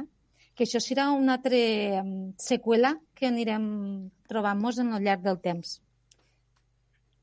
De moment, ah, eh, d'això, anem, anem, Anna, anem parlant, sí, sí. Tu no creus, hi ha alguna, hi ha alguna cosa, eh, aquí se van ficar, jo, perquè avui llegia un article, eh, aquí eh, eh, tots els països tenen unes flotes d'armaments impressionants, perquè s'havia de fer la guerra no sé qui, que no ho sé ben bé en qui s'havien de fer les guerres. Però resulta que ve un bitxet i resulta que fica en jaque mate a la societat, a la humanitat. La meva pregunta és, vols dir que no hem de canviar els referents i hem de gastar-nos en investigació, en tècnics i sobretot en les persones, més que este muntatge que hi ha, que resulta que jo el que tu dius està bé, però és que el, estem sense un... L'economia està quebrada. Sí. El que fan falta és un diners. Però per què fan falta diners? Perquè els diners per aquí i per allà, i encara avui se'n perden moltíssims, perquè una de les coses que jo crec que s'hauria de fer és fer una revisió de tots els gastos que tenim, perquè hi ha alguns de superfluos, però molt superfluos, quan resulta que te n'adones que el que ens ha ficat en aquesta situació és un virus que en, principi no coneixíem. Però si és tingut les reserves, per exemple, Alemanya, este problema no el té perquè l'economia la té més sanejada. Però com nosaltres tenim l'economia, mm, no ho sé, derrotada, doncs ara ens trobem en què, en què fem un munt de coses, com això dels autònoms, que ho ha fet la Generalitat, però és que és igual, la Generalitat com el govern central. És el mateix. No, no, no, no és el mateix, no, perdona, en això, eh, perquè hem de donar, hem de ficar, hem de ficar lo, los, los tics negatius i les coses positives a cada un que ho fa bé i que ho fa malament, eh? perquè a vegades... Vull dir, sí, en este cas... Tot. Sí, Tens jo tota crec que sí, perquè si no és quan parlem, és que això és el govern central, no, no, no. En este cas ha sigut la Generalitat. No, Independentment, eh, i dic de veritat, que si hagués sigut el eh, meu partit que estigués governant la Generalitat i ho hagués fet malament, jo sóc la primera que ho diria que ho han fet malament. És a dir, cada un És que, que jo- assumeixi les seves responsabilitats. Cada un que Jo assumeixi les responsabilitats. Saps què Jo passa també? entrar. El que sí que te és que econòmicament estem quebrats i este problema és un problema que només se pot solucionar en economia. El mateix que diem dels rastrejadors, el mateix que diem de les enfermeres, dels metges. Si fiquem la gent que fa falta ara al lloc que fa falta, eh, eh, si tinguéssim l'economia sanejada es podria fer, però és que no la tenim sanejada. I ja et dic, igual una administració que l'altra tenim un problema i greu, perquè l'economia està És que... És... Sí, Ah, perdona. si em permeteu una miqueta... Digues, Toni. Sí, parla, diu- parla, no. No, passa res. Eh, el que diu Juan José. Mira, us ficaré un exemple. ¿vale? Des del punt de vista, mm, políticament serà molt correcte, però des del punt de vista ètic com a persona és una animalada. O sigui, ara resulta que la prioritat primera del país, en el punt de vista, i crec que la majoria de gent, és la sanitat. O sigui, curar la mierda del virus. Perdona la meva paraula, el meu vocabulari, eh? Una miqueta, eh, lo del virus, el coronavirus, el Covid, dis-li com vulguis, no? I ara resulta, ara resulta que aquí a Catalunya, sembla que és el dia Sant Valentín, el dia 14 de febrer, s'han de fer unes eleccions al Parlament que costen només 20 milions d'euros. 20 milions d'euros, ¿vale? Això són datos donats a la tele i pel mateix govern català. Eh? 12 milions d'euros diu que costen unes eleccions normalment a Catalunya i, a més a més, en aquest cas s'han d'afegir 8 milions d'euros més perquè de la situació del Covid s'ha de prendre una sèrie de mesures, de precaució, de no sé sé quantos, 20 milions d'euros. I jo em pregunto, és més important fer unes eleccions el dia 14 de febrer que invertir els diners, tal com deia Juan José, en falta d'enfermeres, en falta de recursos, en falta no sé què? No és més important, però és necessari. És necessari. Sí. Eh, És necessari dic- perquè, le- perquè el govern de Catalunya no està governant, està pensant en altres coses. I ara estem en una situació, i poso l'exemple de- d'un ajuntament. Un ajuntament avui en dia no pot ha d'anar fent-lo dia a dia perquè no pot ampliar els seus... Eh, no pot pensar en un futur perquè estem en una situació en la qual ho col·lapsa tot. I és, i és, mm, i és així, eh? El tema del coronavirus està col·lapsant tot perquè és una situació nova, que no la coneix ningú i que no sap com... No sabem eh, què pot passar demà ni com se solucionarà. Perquè quan tu saps que tens un problema, però saps com ho pots solucionar, però eh, no saps quant te pot durar, però és que esta, esta situació en la que ens trobem mm, no l'han viscut mai. No. Primera, qui actua eh, té un problema per això que tu dius, que s'ha d'equilibrar la situació econòmica i sanitària, però, però prendre decisions sense saber si funcionaran o si no funcionaran és molt complicat. De veritat que aquelles persones que estan al càrrec de, de tindre responsabilitats a, a qualsevol nivell, des d'un ajuntament petit està, està una diputació, Generalitat, Govern, és molt complicat. Jo voldria que el ciutadà de peu estigués un dia en el dia a dia d'un ajuntament, per exemple. Mhm. Perquè és difícil, és difícil perquè no sabem... Jo només dic que l'única situació positiva que veig en aquest moment és que eh, això no és com una crisi del 2008, que costa, va costar molt de, de refer, sinó que això quan se trobarà una solució al problema, l'economia continuarà i la gent continuarà perquè no és una crisi econòmica, sinó és una crisi sanitària que arrastra tot el demés. En quan la, sanit quan la, la situació sanitària s'arregli, i ens tornem a posar al puesto, perquè això s'ha vist ara, quan hem sortit de, del confinament, tothom se va tornar a posar... Anna, algú caurà pel camí, segur. Oh, clar, com, se, com en tot, en qualsevol decisió, sempre hi ha guanyadors i perdedors, però esperem que sigui el mínim possible de gent. Ja, bueno, la reflexió meva era esta, ¿vale? dir, ostres, i a més a més faria falta veure què ens, què ens ha portat a, a fer unes eleccions. Ens ha portat la cabeçoneria, la cabeçoneria d'algú de, de no retirar una pancarta. Per fet bueno. de no retirar una pancarta, a desencadenar aquests 100 milions d'euros en moments de pandèmia, quan resulta que ens estem queixant que hi ha falta de metge, sanitat i no sé què més. ¿vale? És un tema polític. Bueno, en este, en este per tant no entraré perquè semblarà que vulgui fer política i no és no, no, no, jo dic cas, que veig no? Però... un ciutadano de pie, eh? Un ciutadano de pie veig això. O sigui que... Sí, sí, que la gent no ho entén. No ho entén perquè és una situació complicada i que, per exemple, que tanquiguen bars, restaurants i no fiquiguen mesures als autobusos o als trens o als metros, això és algo... Bus, de, de la IFE que ve de Barcelona en divendres a la tarda, poso aquest exemple perquè és algo que tothom ho entendrem, ve dels estudiants i ve a tope, uns als costats de l'altre. I després tu no pots anar ara poso l'exemple este d'un centre d'estètica que estàs tu tot sola en la, en la persona que t'està fent la, el que sigui, eh? Que estem soles, eh, eh, aquella persona, l'empresària i, i el client, i després vas en autobús a tope que estan durant dues hores sense cap tipus de, de, de, de que l'aire se regeneri. Eh, M'enteneu? Això la gent no ho entén. No ho entén. Però, escolta, és fàcil d'entendre. De contradiccions n'hi han a patades. Si cadascú fica les d'ell, n'hi han a patades. Per què? Pues perquè és, una, és, una, és un tema molt complicat i no és fàcil de gestionar. I com no és fàcil de gestionar, pues, Ara, jo de comparacions no em feia massa. Ah, però Juan José, escolta'm, tot... si, a, perdona, però si els restaurants els han fet tindre el 50% d'aforament, els autobusos o els trens sí. o els metros també, i que posin més, més serveis? I l'altre dia es va fer una festa, l'altre dia es va fer una festa a Madrid en qual hi havia gent que és la que pren decisions. No. Nada menys a nivell de... Vamos, vamos. Perdó, molt malament, molt escolta, malament. Escolta, I a mi no, a mi no me, a mi no me serveix, sí, molt malament, escolta. i no em serveix que després vagin demanant perdó. A mi això vale. no me serveix, eh? Vale. I l'altre dia, la, la, a, a la Sagrada Família se va També. fer un, un, un festín Sí. I, bueno, claro, però és que per això dic que si, va, si anem ficant comparacions no acabarem. El no. que sí que te puc dir és que ara haurien de ser primer les persones que res. Evidentment, les persones és molt difícil que siguin el primer perquè l'economia està quebrada, m'entens? I com no tenim l'economia adequada, no podem fer front. L'altre dia llegia que a Alemanya s'han fet el 75% dels beneficis de l'any passat els cobraran igual. Claro, esta, esta empresa o este bar o este restaurant pot estar tranquil. Però, claro, si aquí resulta que eres un autònom, pagues, pagues tots els mesos, i resulta sí. que perquè internet o no t'ha anat, o has arribat ah, tard, o el que sigui, sí, sí. Uh -huh. el qual vol dir, però ja dic, no vull culpar ningú, el qual vol dir que el nostre problema és econòmic. I, mos, i haurem de revisar en què ens gastem els diners, eh, però en sèrio. Però, a veure una cosa, el tema d'internet és, d'acord, és un tema, però és anecdòtic. O sigui, encara que internet hagués anat bé, vale? els 20 milions sí, d'euros sí. que anaven per 2.000 euros anaven per 10.000 autònoms. Quants d'autònoms? Mira, sí, Mira, hi havia 40 milions d'euros per a les subvencions i segons la PIMEC hi, havia, hi ha un, un, unes pèrdues de 780 milions d'euros. És que no, no, És a dir, ara ho han implementat en 50 milions més. Són sí. 90 milions. Wow. 90 milions és que no s'arriba, no s'arriba. Sí. Els 20 mm. milions van ficar a primera fase, 20 milions d'euros van posar. A 40, perdona. 40?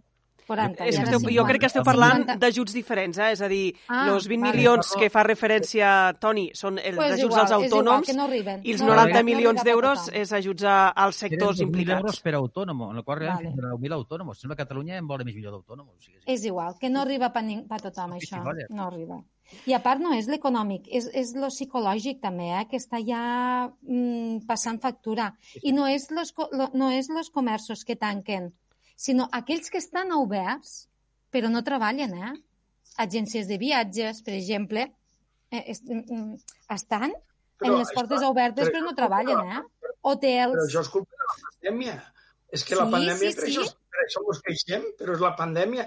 És que, a veure, eh, hi ha, hi ha, hi ha gent, claro, fixa't l'empresa que té tancada o no pot fer logística, claro, però és que això no es pot atribuir, només hi ha un problema, només se pot atribuir a la pandèmia. I llavors, la solució està ficar diners, ficar diners damunt de la taula. I com no en tenim, doncs tenim un problema. I ja està. És que és tan simple com això.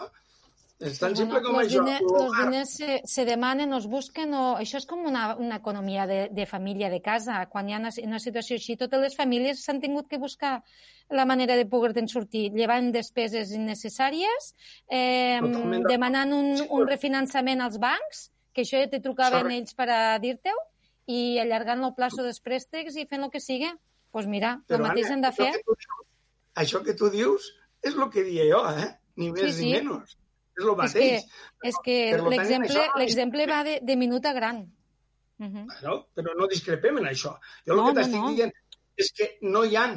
Jo el problema que veig aquí és que no hi han diners necessaris per afrontar això. I Alemanya ho ha afrontat perquè té els diners necessaris. I és més fàcil de portar i de gestionar si tu tens una bossa. Això dels, dels, tot el, això dels autònoms, això són anècdotes. El problema és molt més profund. Ja. Jo crec, Juan José, que, no, que en el fons els tres que estem parlant avui no discrepem gens, o sigui, no estem discrepant.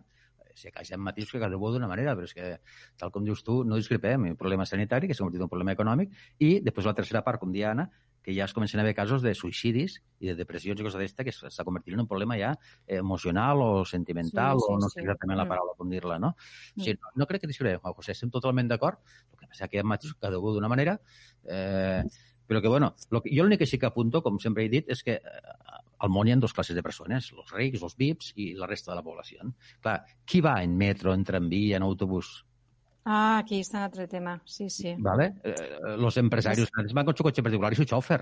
Mm. Clar, la gent no tenen perill de contagi al mm. públic, no els preocupa el tema este. Vale?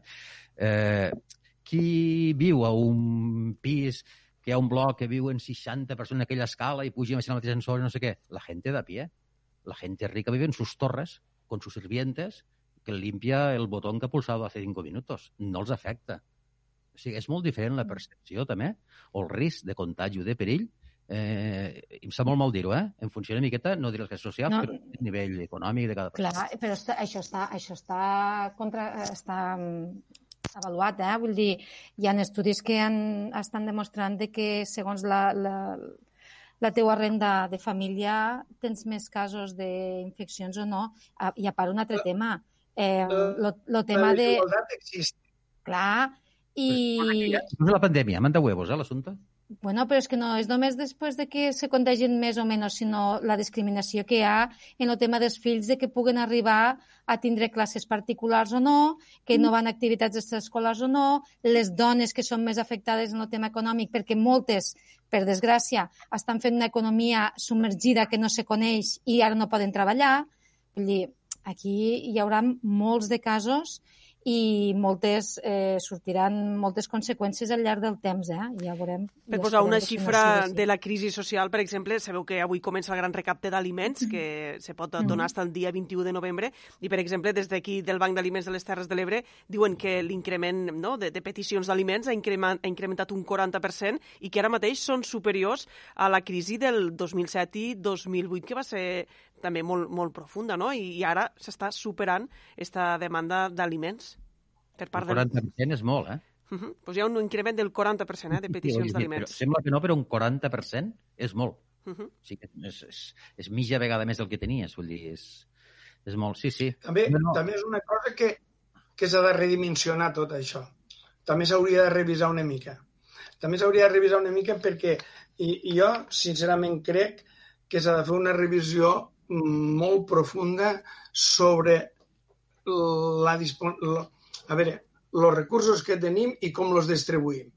Perquè jo el 40% m'ho he llegit, però és que és una barbaritat.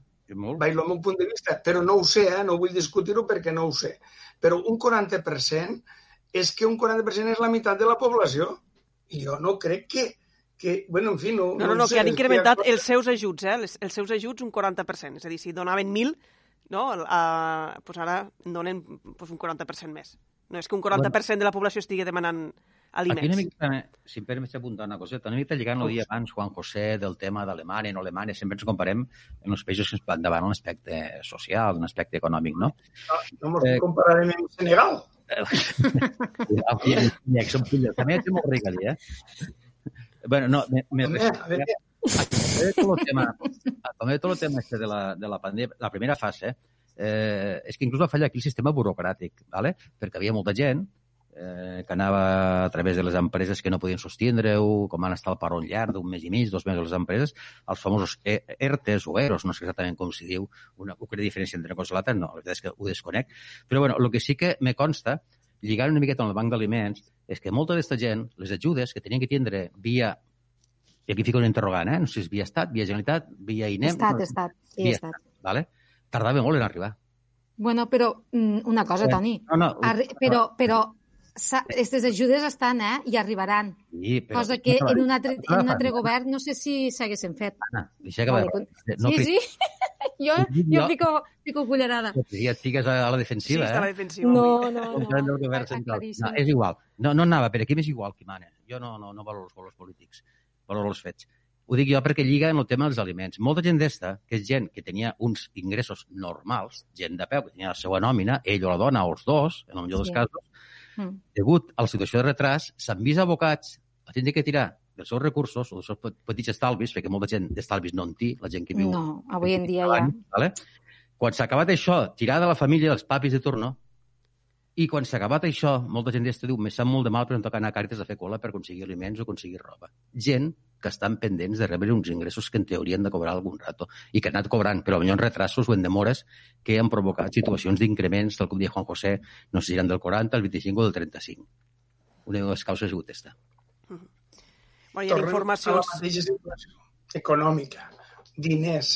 No, el que no es pot fer és prometre una cosa que després se complirà, com diu Anna, però jo pregunto, aquell menja tots els dies, eh? aquell no menja només quan li Ja, arribaran els pe- Però tu saps la, la magnitud que n'hi ha hagut de demandes d'ERTOs i EROs? Ha sigut, pues un, aquí ha sigut algo fora de sèrie. I Vale, aquí però, no... una família, quan, però una família quan té un problema d'un hospital pues, va al puesto que puga per treure els diners que necessita Sí. i la societat que nosaltres hem creat és una societat que pareixia que, és el que et deia al principi, resulta que hem invertit una quantitat de diners ingentes, no sabem per què, perquè no sabem en qui farem una guerra, i resulta que ve un bitxín i ens fica a tots de cara a la paret. Alguna cosa no hem fet bé. Ja, però és que en, en la situació familiar també ens ha passat el mateix, eh? En situacions de bonança estires més el braç que la màniga i després Tampoc dius, no. això... Clar, i Ara, llavors tampoc quan arriben, no tot situa... no, i quan arriben situacions complicades penses, calia calia haver-me comprat això que ara me porta tanta despesa o calia haver invertit en este quan el que tenia que haver fet era potser recollir una mica i guardar per a moments més difícils, però i també la complicitat, la complicitat de, de la governança de, dels, de, tant de- d'ajuntaments com de governs és que eh, se governa durant quatre anys. Se fa molt curta la legislatura i s'està sempre pensant en les properes eleccions. I llavors eh, no s'apliquen mesures a llarg termini i que puguen ser bones per a, per a d'aquí uns anys, sinó se pensa sempre, se governa sempre en la immediatesa del dia a dia. Este és un tema això- polític, eh? Este Clar. que tu dius és un tema polític que també s'hauria de solucionar, perquè resulta que és el que tu dius. Com només se pensa per les pròximes eleccions, doncs així mos va. I voldria És així, posar eh? un altre element de debat damunt de la taula. Eh, la setmana passada coneixíem ja esta vacuna Pfizer, que sembla que, que no, aviat eh, començarà a arribar ja a diferents eh, països i do, bueno, donava la sensació que de cara a la primavera, eh, l'estiu, podria arribar una certa normalitat. Avui, però, hem, no, hem llegit informacions que ja situen esta normalitat a l'any 2022. També tenim esta gran incògnita de què passarà a la campanya de Nadal. Mostrem en una situació de bars i restaurants tancats i sembla que tothom eh, té una mica de pressa en reobrir i de cara, sobretot, este pont del desembre. I no sé si temeu una mica que passi com a l'estiu passat, que sembla que es va precipitar tot de cara a Sant Joan, per exemple. Avui ha sortit una altra vacuna americana, eh? Sí. Sí, no me recordo el nom, però puc mirar si vol convé. La moderna, potser, sí, és que hi ha moltes informacions. Sí, sí, que diuen ells, segons ells, que donaven un 95, 94 punts 94.5 d'efectivitat uh -huh. eh, després de 30.000 proves, no sé què dient. Però o sigui, ja és una segona via i que també, bueno, està no la previsió de que... molta confiança en això, eh? que, que al final arriben vacunes per a tothom i que puguem preveure un escenari de normalitat a uns, un any vista o uns mesos vista. Però me penso que això és el que desitgem, que no té res que veure en la realitat. Una cosa és el que desitgem i l'altra la realitat. Jo no ho sé, però jo, que m'ho miro d'una altra, veig que és una gran notícia que es dic les vacunes, una gran notícia. Ara, la efectivitat d'aquestes vacunes és, no se sap encara. Per tant, jo no crec que això arribi d'un dia per l'altre. Crec que això va per llarg i que s'ha de tindre molta precaució i, i si no passen els Nadals no passarà res, perquè és que de lo contrari, a veure si salvarem una cosa i, i caurem en una altra. Jo el que crec és que hem de doblegar la curva, hem de fer el que convinga i després sortir la màxima força possible. Per tant, sincerament, lo de la vacuna és una gran notícia, però jo, per, per mi, per la meva, jo ho deixaria aquí, no, no li donaria més importància perquè és que hi ha gent que diu que a Nadal ja n'hi hauran de vacunes i jo no estic tan segur. Però no. ja dic, no ho sé, que tampoc segons, ho sé. Segons esta vacuna que comentava Leonor, això hasta, fi, hasta d'aquí un any no tindrà una efectivitat, si és que la té, eh, per a poder fer una vida mig normal, que jo crec que hem de pensar que això encara tardarà. Jo li posaria dos anys bons perquè abans les vacunes no arribaran primer als malalts i després a la gent per a immunitzar-se o per a aquells que siguen més, en, per exemple, sanitaris o professors o gent que està més en contacte en, en un gruix de ciutadania més elevat, mmm, costarà. Però en quant al tema de passar els Nadals, jo me crec que hauríem de fer poquet a poquet, com allò que diem poquet a poquet i bona lletra, més que obrir porta i aquí tot a l'ample, o tancar-ho tot i aquí no res. És a dir, no valdria la pena poder fer... Jo, a vegades, en el tema de bars i restaurants pensava, no s'hagués pogut fer una limitació, per exemple, d'obrir-se fins a les 6 de la tarda, per exemple, que els restaurants poguessin fer servei de migdia per evitar-se el servei de la nit als bars perquè no hi haguessin aglomeracions de gent que surt per la nit a fer festa, però no, és a dir, no tallar-ho ni, ni todo ni nada, saps? Buscar un equilibri per a poder continuar poder continuar en l'economia i en el teu negoci, però no tancar-ho tot de, to de cop. I en els Nadals i la campanya de, de Nadal jo me crec que hem de continuar eh, aportant la, la nostra granet d'arena a l'economia i a les compres, però el que són trobades familiars, intentar-les evitar, que no passa res. És a dir, sempre hi haurà algú que està tot sol que sí que tindrà que anar a la seva família. Però els demés, jo per exemple, nosaltres som quatre germanes. Com ens hem de reunir?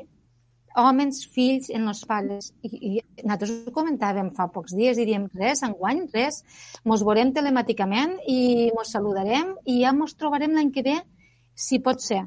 Però evitem que, que la nostra imprudència particular de cadascú provoqui un tancament massiu de tothom, perquè no llavors sí que ja, mmm, ja podem...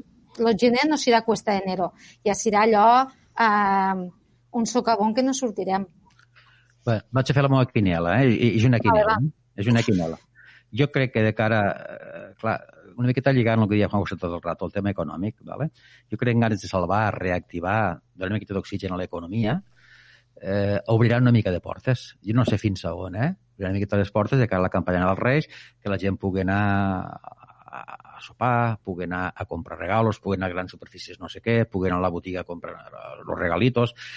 Eh, claro, aquí també és el que dia Anna. O sigui, per una banda sí que s'hauria de fer alguna cosa, per una altra banda ha de fer Anna, no tirar-nos de cap a la piscina si la piscina està buida. O sigui, Claro. eh, molt de coneixement, tal com deia ella. És dir, al principi, això ho vaig dir el primer dia, ja dic, no cal tancar els bars. Limiteu aforaments, limiteu traces exteriors, limiteu no sis, quatre persones per taula. No els Horaris, ofeu. horaris. Sí, horaris, eh, limitació de places, limitació de taules, el que sigui. Què vol dir això? Que, que, que, jo crec que sí, que faran alguna cosa, ¿vale? El que passa que aquí entren dos coses, que, que no obriguen tant les portes, que la gent se torni a borregar, i després de la Cuesta d'Enero sí que l'escalada al Turmalet, ¿vale? perquè llavors sí que tornem a ser o, eh, o si no és anar piano piano per donar una mica d'oxigen als negocis, que si no, tal com dia Juan José, l'economia està prou quebrada, si la campanya està, que molta gent en alguns eh, sectors representa a millor un 20 o un 25% de la seva facturació, no els ho entra, eh, apaga i vámonos. ¿vale? O sigui, la meva quiniela és sí que hi haurà una mica d'obertura, però espero que no hi hagi overbooking. Bueno, que parléssim del rei, deixem de banda la pandèmia. De quin rei? De rei de Bascos? Sí. Bé, sabeu que hi ha informacions, que de fet és un degoteig eh, constant eh, de- d'informacions que, que envolten la figura de, del rei emèrit, de Juan Carlos I. Avui una informació del Confidencial, una exclusiva, que parla doncs, que el rei emèrit va rebre 6,5 milions d'euros en un compte a Suïssa en cinc transferències d'origen anònim. Una altra informació de, de l'Espanyol que apunta que, que buscaria un altre país eh, eh, no? per, per a traslladar-se i fins i tot doncs, eh, el fet de que es plantegen el fet de que pugui renunciar al títol de rei. A més a més, la, la, la, les informacions de les targetes Black, que, que sembla que diferents membres de la Casa Real doncs, feien servir targetes eh, opaques, no? eh, de, també de- d'un origen incert pel que fa als fons i que en feien servir diferents membres de, de la Casa Reial. Perdona una cosa, de qui dit que parlàvem? Del rei Joan Carles o del, de Felip? Del Joan Carles. De l'emèrit, de l'emèrit. Vale, només una cosa molt ràpida, aquí acabo, eh? O sigui, com és possible, en temps que corren, que rebi una transferència anònima, i repeteixo, anònima, de 6 milions i mig d'euros. Això és increïble. O sigui, quin control hi ha aquí? És No m'ho crec. No m'ho crec. Jo he treballat a un banc tota la vida i tinc que estar identificat l'emissió de la transferència. No pot ser anònim. Vale? Sí, Però- una, És- ell- una altra cosa no és és una- L'anònim no pot ser No és anònim. del nostre. Eh? Escolta, que no és del nostre, eh? és d'un altre. És d'un altre, és un, està un altre món, és un altre món. Ah, és Jo un altre món. Vale, que- vale, vale. Ostres, és que és impossible. Que... No, una cosa és que no vulguin No, dir. no, Però anònim és impossible. Impossible no. Impossible no és Home, perquè... impossible no és. Però si s'ha de... sí que tinc Pues llavors, És que ha- me retiro. Crec la, la, ja acabo de perdre la creativitat en la banca que tenia. O sigui, s'està identificat. No pot ser que rebessis milions i mig d'euros sense identificar. Vamos, que no. Per I a més no eren passo. cinc transferències, eh? El valor 6 milions i mig d'euros, però cinc transferències d'origen anònim en un banc a, a Suïssa. Això no ho podem... És que la gent de peu, com diuen abans, la gent de peu, em sembla que a partir de 1.500, 2.000 euros has d'identificar l'operació. 1.500 o 2.000 euros. Però, però pa, ho has dit, ho has, ara ho has dit bé, ara ja ho has dit bé. La Ah, gent de peu. És que ell no ho és de peu, ell és una altra cosa. És que, claro, si no sabem en què... Eh, ell és d'una altra cosa. Mira, jo vull dir només una cosa sobre el rei. En els datos que han damunt la taula, tant si són veritat com si no ho són, un rei en dignitat hauria de vindre aquí i donar una explicació. Tant si ho són com si no ho són. Imagina't. Ja no dic que ho siguen. Simplement, en els datos que es fiquen damunt la taula, el que s'està dient, i jo, mm, bueno, és que això depèn també de la formació que tens, perquè és evident que este senyor, primer, no se n'és tingut d'anar. Segona, s'ha tingut de quedar al frente i, dir- i afrontar la realitat. Perquè aquí se veu que, a més, te diré una altra cosa. En estos 40 anys, jo la pregunta que em faig sempre és los periodistes, los investigadors, los censors, los no sé què, los no sé quantos, perquè aquí parlen de moltíssima gent. I resulta que aquí no sabia ningú res, o què?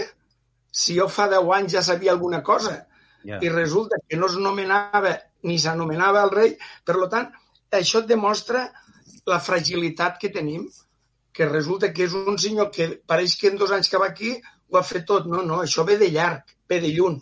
I segur que un altre ho sabia, Segur. estava callat. Més de Per dos. lo tant, jo l'únic que demanaria, l'única cosa, és que en els datos que han damunt la taula, tant si són veritat com si no, el senyor rei d'Espanya o mèrit o com se diga, hauria de vindre i donar una explicació. Perquè si no és que no té ni dignitat ni mos mereixem lo rei. Així mateix. Això és un altre debat, si coneixem reis o no. Ja, però, per exemple, Toni, tu quan dies de que com pot ser que li hagin fet, una transfer... li hagin fet diverses transferències anònimes sí. eh, és, és el rei. I, per tant, okay. només cal veure de que ell se registrava als hotels i als vols d'avió en un altre nom que no era el d'ell. E, era Juan, Juan Sumer.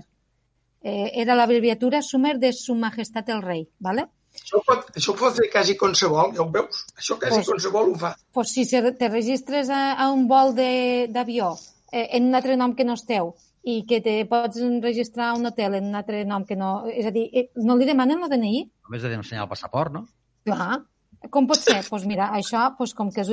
Mira, feta la llei, feta la trampa. I este ambient, pues, ja se coneix totes, ja es coneix totes les trampes de com poder-ho fer. Jo, jo estic segur que consta qui és l'ordenant de la transferència. Una altra cosa és que, de cara a la gent de peu, eh, és anònimo, però, vamos, jo no m'ho trago. Algú sap qui és la transferència. I, I una altra cosa que sí que sempre ho tinc al cap és la política és, és un contrapès en tot. I aquí hem estat 30 anys que no hi havia cap contrapès. Este senyor feia el que volia. I pareix que els polítics no se n'han enterat de res. Ni polític, ni periodistes, ni, sí, ni procuradors.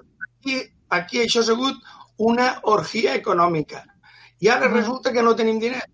I uns haurà de preguntar a veure què és el que està passant. Tampoc, no, és... tampoc, tampoc estos periodistes i estos altres polítics i estos fiscals no s'enteraven de res, per exemple, en el cas Pujol. Tants d'anys També. i ningú, ningú sabia res. Anna, Saps què passa? Que Anna, tothom calla escolta, perquè segur que té... Anna, Anna, el pot amagar. Claro. Ara, ara, ara no toca. Si vols parlem de Pujol, que... que Però que també, que, també, està, que també ha estat enganyant i també ha estat estafant i ningú s'ha enterat. Això saps que demostra? Que quan qualsevol en poder pot dominar els mm. mitjans de comunicació. Perquè li falta dignitat. En bueno, aquell però... que vol dominar els altres, els ho falten dignitat. Possiblement, però això han fet el que han fet perquè no tenen dignitat. Si tinguessin dignitat no ho haguessin fet. I després el poder també, eh, és el que dius tu, no, no domina només els mitjans de comunicació, que també els domina, eh? Domina tot. Domina la policia, domina l'exèrcit. Clar, qui és el guapo que sapiguent algo fa 10 anys va dir que el rei era un putero? No ho sé. Pregunto, eh? Qui era el guapo que anava això? Si ho jugava la seva carrera, si ho jugava la seva família, si ho jugava tot aquell home. Perquè no era... Si, el... si no, que li pregunto al rapero este, que va sí. dir que el rei era un lladre que no, està... No, no va dir que mentira. Tu creus que això és normal? Un que traurà que això, el, el, el, rei és un ladrón i un putero, que diu dos veritats. Està tancat a la presó, no, exiliat, no? No pot tornar a Espanya perquè té un judici pendent per dir veritat. Lo del rei és un tema és un tema per pa reflexionar, però per reflexionar el país, no per reflexionar uns quants, el país. Per què? Per lo que et dic, la política ha passat de llarg els periodistes han passat de llarg, la, ju la judicatura ha passat de... Aquí han passat tots de puntetes. Ah, hasta son fill ha passat de llarg, que no ha dit res. hasta son fill. Sí? Lo, lo, lo que actualment és el rei, hasta son fill del Home, rei emèrit ha passat de llarg. Que vaya no, marrón no. li queda, saps? Eh, però son fill encara trobo que ho ha afrontat ho ha gestionat prou bé, li ha dit te trac l'assignació que tens, que ha sigut ja... Perquè, a veure, parlem d'un pare, no parlem de qualsevol cosa. Vull dir... Bueno, però eh, no, no és d'un pare qualsevol, eh? Que és el rei, era el rei, eh? Però ara no parla, jo no parlava del fill. El fill és un altre tema que, si voleu, un dia en parlem. Si li trau assignació, ara... si li trau assignació a Juan José per dir 6 milions i mig d'euros anònims, ja, i tu i jo no ens guanyarem mai a la vida 6 milions i mig d'euros anònims, eh, treballant. Jo no, ni, ni m'ho he pensat mai. No, ni m'ha interessat mai. No, no, ho tinc clar. No, no, ho tinc clar. Eh, eh que sí, que estic d'acord amb tu, vale? de que fa falta dignitat i fa falta una mica d'amor propi, i ja no entro a valorar, perquè tal com dia Sònia seria este, seria Jordi Pujol, serien Sònia... No, no. Tiraré Pérez al teu terrat, serien els dels sindicatos i les peonades d'Andalusia, com anava el PSOE. És igual, si totes bandes, no, no es tracta de parlar de... Escolta, i tu que has treballat a un banc, tu has treballat a un banc. Anys, La pregunta és, com se pot tindre una targeta black que pugues traure diners i, i, i qui te la dona, qui, com ha sigut això? Perquè és que tampoc no... Perquè han sortit tots, les, tots les... il·lesos, il·lesos de l'accident no, este. Jo t'he dit que dimitixo. No, però, però, però, això no ho he estudiat mai. Quan estudiava cursiu eh? no vaig estudiar mai, eh? ni targetes black... I, i, i t'estranya que, hi havia una trans, i t'estranya que hi havia una transferència del rei? Anònima. No t'ha d'estranyar perquè el rei nomena un. Però m'has pues que, que anònima, no hi ha una transferència. D'estos del Black. José, no, no vaig dir mai, ni tarjetes Black ni transfer de no vaig dir mai, això. Tu no ho vas veure mai. Comissions il·legals, això no vaig dir mai. Però és el que et dic, és que tu estàs dins del món dels humans. De Que la gent de peu. De la gent de peu. En aquesta societat que tenim nosaltres, en este país, hi ha diferents Ja capes. siguen aquells que et cobren tu 20 euros de comissió de manteniment de no sé què. Esto sí. Si voleu... Eh, Digues, digues, Anna. No, no, que el més indignant és el que hem estat comentant ara, de que no estigui aquí a Espanya i estigui fora. Això sí que jo crec que tenia que estar aquí i apetxugant les conseqüències. És a dir, si la fas, mm, has d'apetxugar i has d'estar aquí i no marxar de, de, de rositas, com se diu, ara a casa d'un amic i ara, i ara als, a, a, en els Emiratos mm, estos i després a, a Honolulu, si vol. Pot anar on vulgui. Saps, Anna, lo trist d'això que és? Què el és, més trist que hi ha de tot això és que ho feia perquè podia fer-ho, sabia que ho podia fer-ho i ho feia. Clar, perquè durant molts Saps anys... ho podia fer? Perquè Durant molts tenia- anys sempre s'ha fet el que s'ha volgut. Bueno, Tenia immunitat, no? Pues, sembla? pues, No la immunitat, el rei, ara, perquè una mica en política? No teníem què, perdona? I té immunitat, el rei, no? Em sembla? Sí, immunitat Invio, com- inviolabilitat, no? No es diu així el Invio, terme? inviolabilitat. Sí, bueno, és igual, que faci el que faci no, no serà jutjat, però bueno, Sí, ara... sí, Jo quan estudiava, ja recordeu, en l'època feudal, que los señores, no, los reyes, los nobles tenían derecho de pernada, vull dir, es podien tirar a la mujer del campesino i no passava nada, vull dir, eren... I ara, ara, en 500, Engallis. ara en 500 de milions de pessetes està més fea. Vull dir, això no, no ha canviat massa. Jo lo que, lo del, lo del rei sí que és un tema que eh, és que em fica de cara de gallina veure la falta, la falta de de- d'escrúpols que hi ha hagut i la quantitat de gent que ha col·laborat perquè ell fes això, perquè ell no ho feia per fer-ho, ell ho sabia el que feia. Clar que ho sabia, no ho havia de saber.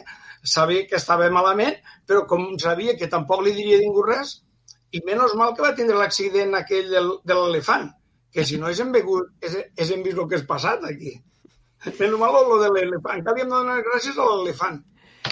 Aquest és un tema que s'haurà de posar damunt de la taula en el moment que es cregui oportú i, i, i hi, hauré, hi haurà algú que estigui governant que sigui prou valent com per dir això, s'ha de debatre, però jo això ja ho vaig dir en una altra tertúlia aquí, eh? Aquí a Catalunya se'n parla molt del rei. En canvi, surtes a escoltar tertúlies de la ràdio o de programes de televisió fora de Catalunya i, i, i el tema del rei no se'n parla. És a dir, que no em toquin el rei hagi fet el que hagi fet.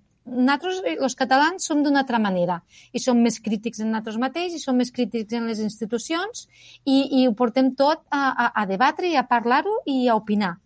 I per això te'n vas a la Castilla i, i, i te'n vas en, en zones més, més de d'Espanya, l'Espanya rural i, la, i això, del rei, no en parlen.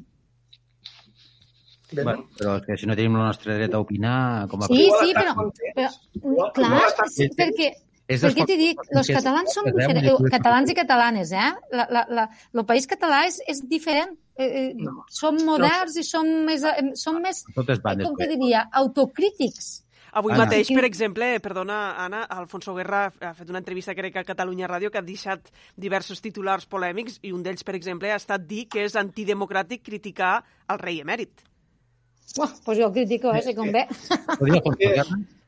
Bueno, és una, jo em suposo que deu ser una opinió d'ell i la respecto. que era no antidemocràtic, compartisc. eh, bueno, criticava o ha posat el crit al cel pel pacte entre el PSOE i Unidas Podemos i ha dit que, per exemple, que estan a les institucions de l'Estat per part d'Unidos d'Unidas Podemos era antidemocràtic criticar al rei i a la corona o intentar saber què ha passat.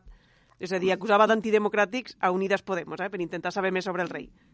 Jo no, no, compa no de- comparteixo, eh, això. Lo No comparteixo. lo d'Alfonsito, Alfonso Guerra, si no, sé, no sé si ho en recordeu, lo primer, lo primer cas de corrupció que va haver gran nosaltres, eh, és lo de son germà, que Sí. treballava a, una, a un despatx de la Junta d'Andalusia. Això és un privilegi intolerable. I en aquella època, que va ser el primer que és, aquell senyor va fer els negocis que feia, els que feia, no sé si pa bé o pa mal, eh, en un departament de, de la Junta d'Andalusia. I, I avui les, les, les declaracions que fa a una persona com jo o a mi me fa pena, me dona tristesa veure un senyor que em pensava que era una cosa i és una altra. I és que m'està passant en moltíssima gent que em pensava que era una cosa i és una altra, el qual potser estic equivocat jo. Jo que... Perquè Jo... confiava, Sí. Confiava en una gent que no era tal com diuen que era. Potser estic jo equivocat, però és evident que, eh, mm, a veure, és intolerable, primer el que ha dit, i a segona, que no li està bé, perquè ell ha estat 30 anys governant este país i molts de problemes des que hi ha venen de quan ell estava. Així és que cadascú que aguanta el que li, que li toca. Estem entrant al final de la tertúlia, per tant, si voleu fer una reflexió final, Anna i Toni. No. Sobre, el tema de, sobre el tema del rei? Sobre, el que sobre vulgues. què? Sobre Alfonso Guerra, el que vulgues. Ah, uf. No, Toni, Toni, passa, no, no, passa no, palabra. Jo, jo crec que hem parlat tot molt bé, hem estat tots en sintonia, pràcticament, hem coincidit bastant en els temes, eh, per alguns motius, i estic encantat de vindre aquí com me crideu i col·laborar amb vosaltres exposant el meu humil punt de vista. Molt bé. Veig que del tema d'Alfonso Guerra ha fet passar la paraula. També ha fet unes altres paraules, eh, unes declaracions polèmiques sobre... Diu que el català està... El castellà, perdó, que està arraconat i perseguit a Catalunya, però si de cas ja en parlarem en una pròxima tertúlia. Com és, com és, Però no, no- gens bé, perquè la meva credibilitat no vull parlar d'ell. Ja està. Perdona, però no veus que des de fa un temps que va aquí no n'acerte ni una? És que ni una. Ni ell, ni Felipe, ni Corcuera...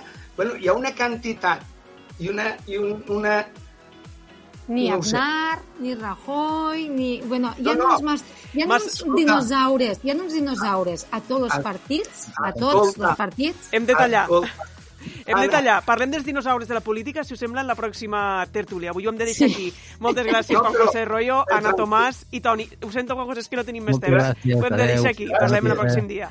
Gràcies als tres. Adéu, bona tarda. Un plaer estar amb vosaltres. Adéu. Un plaer. Adéu. Adéu.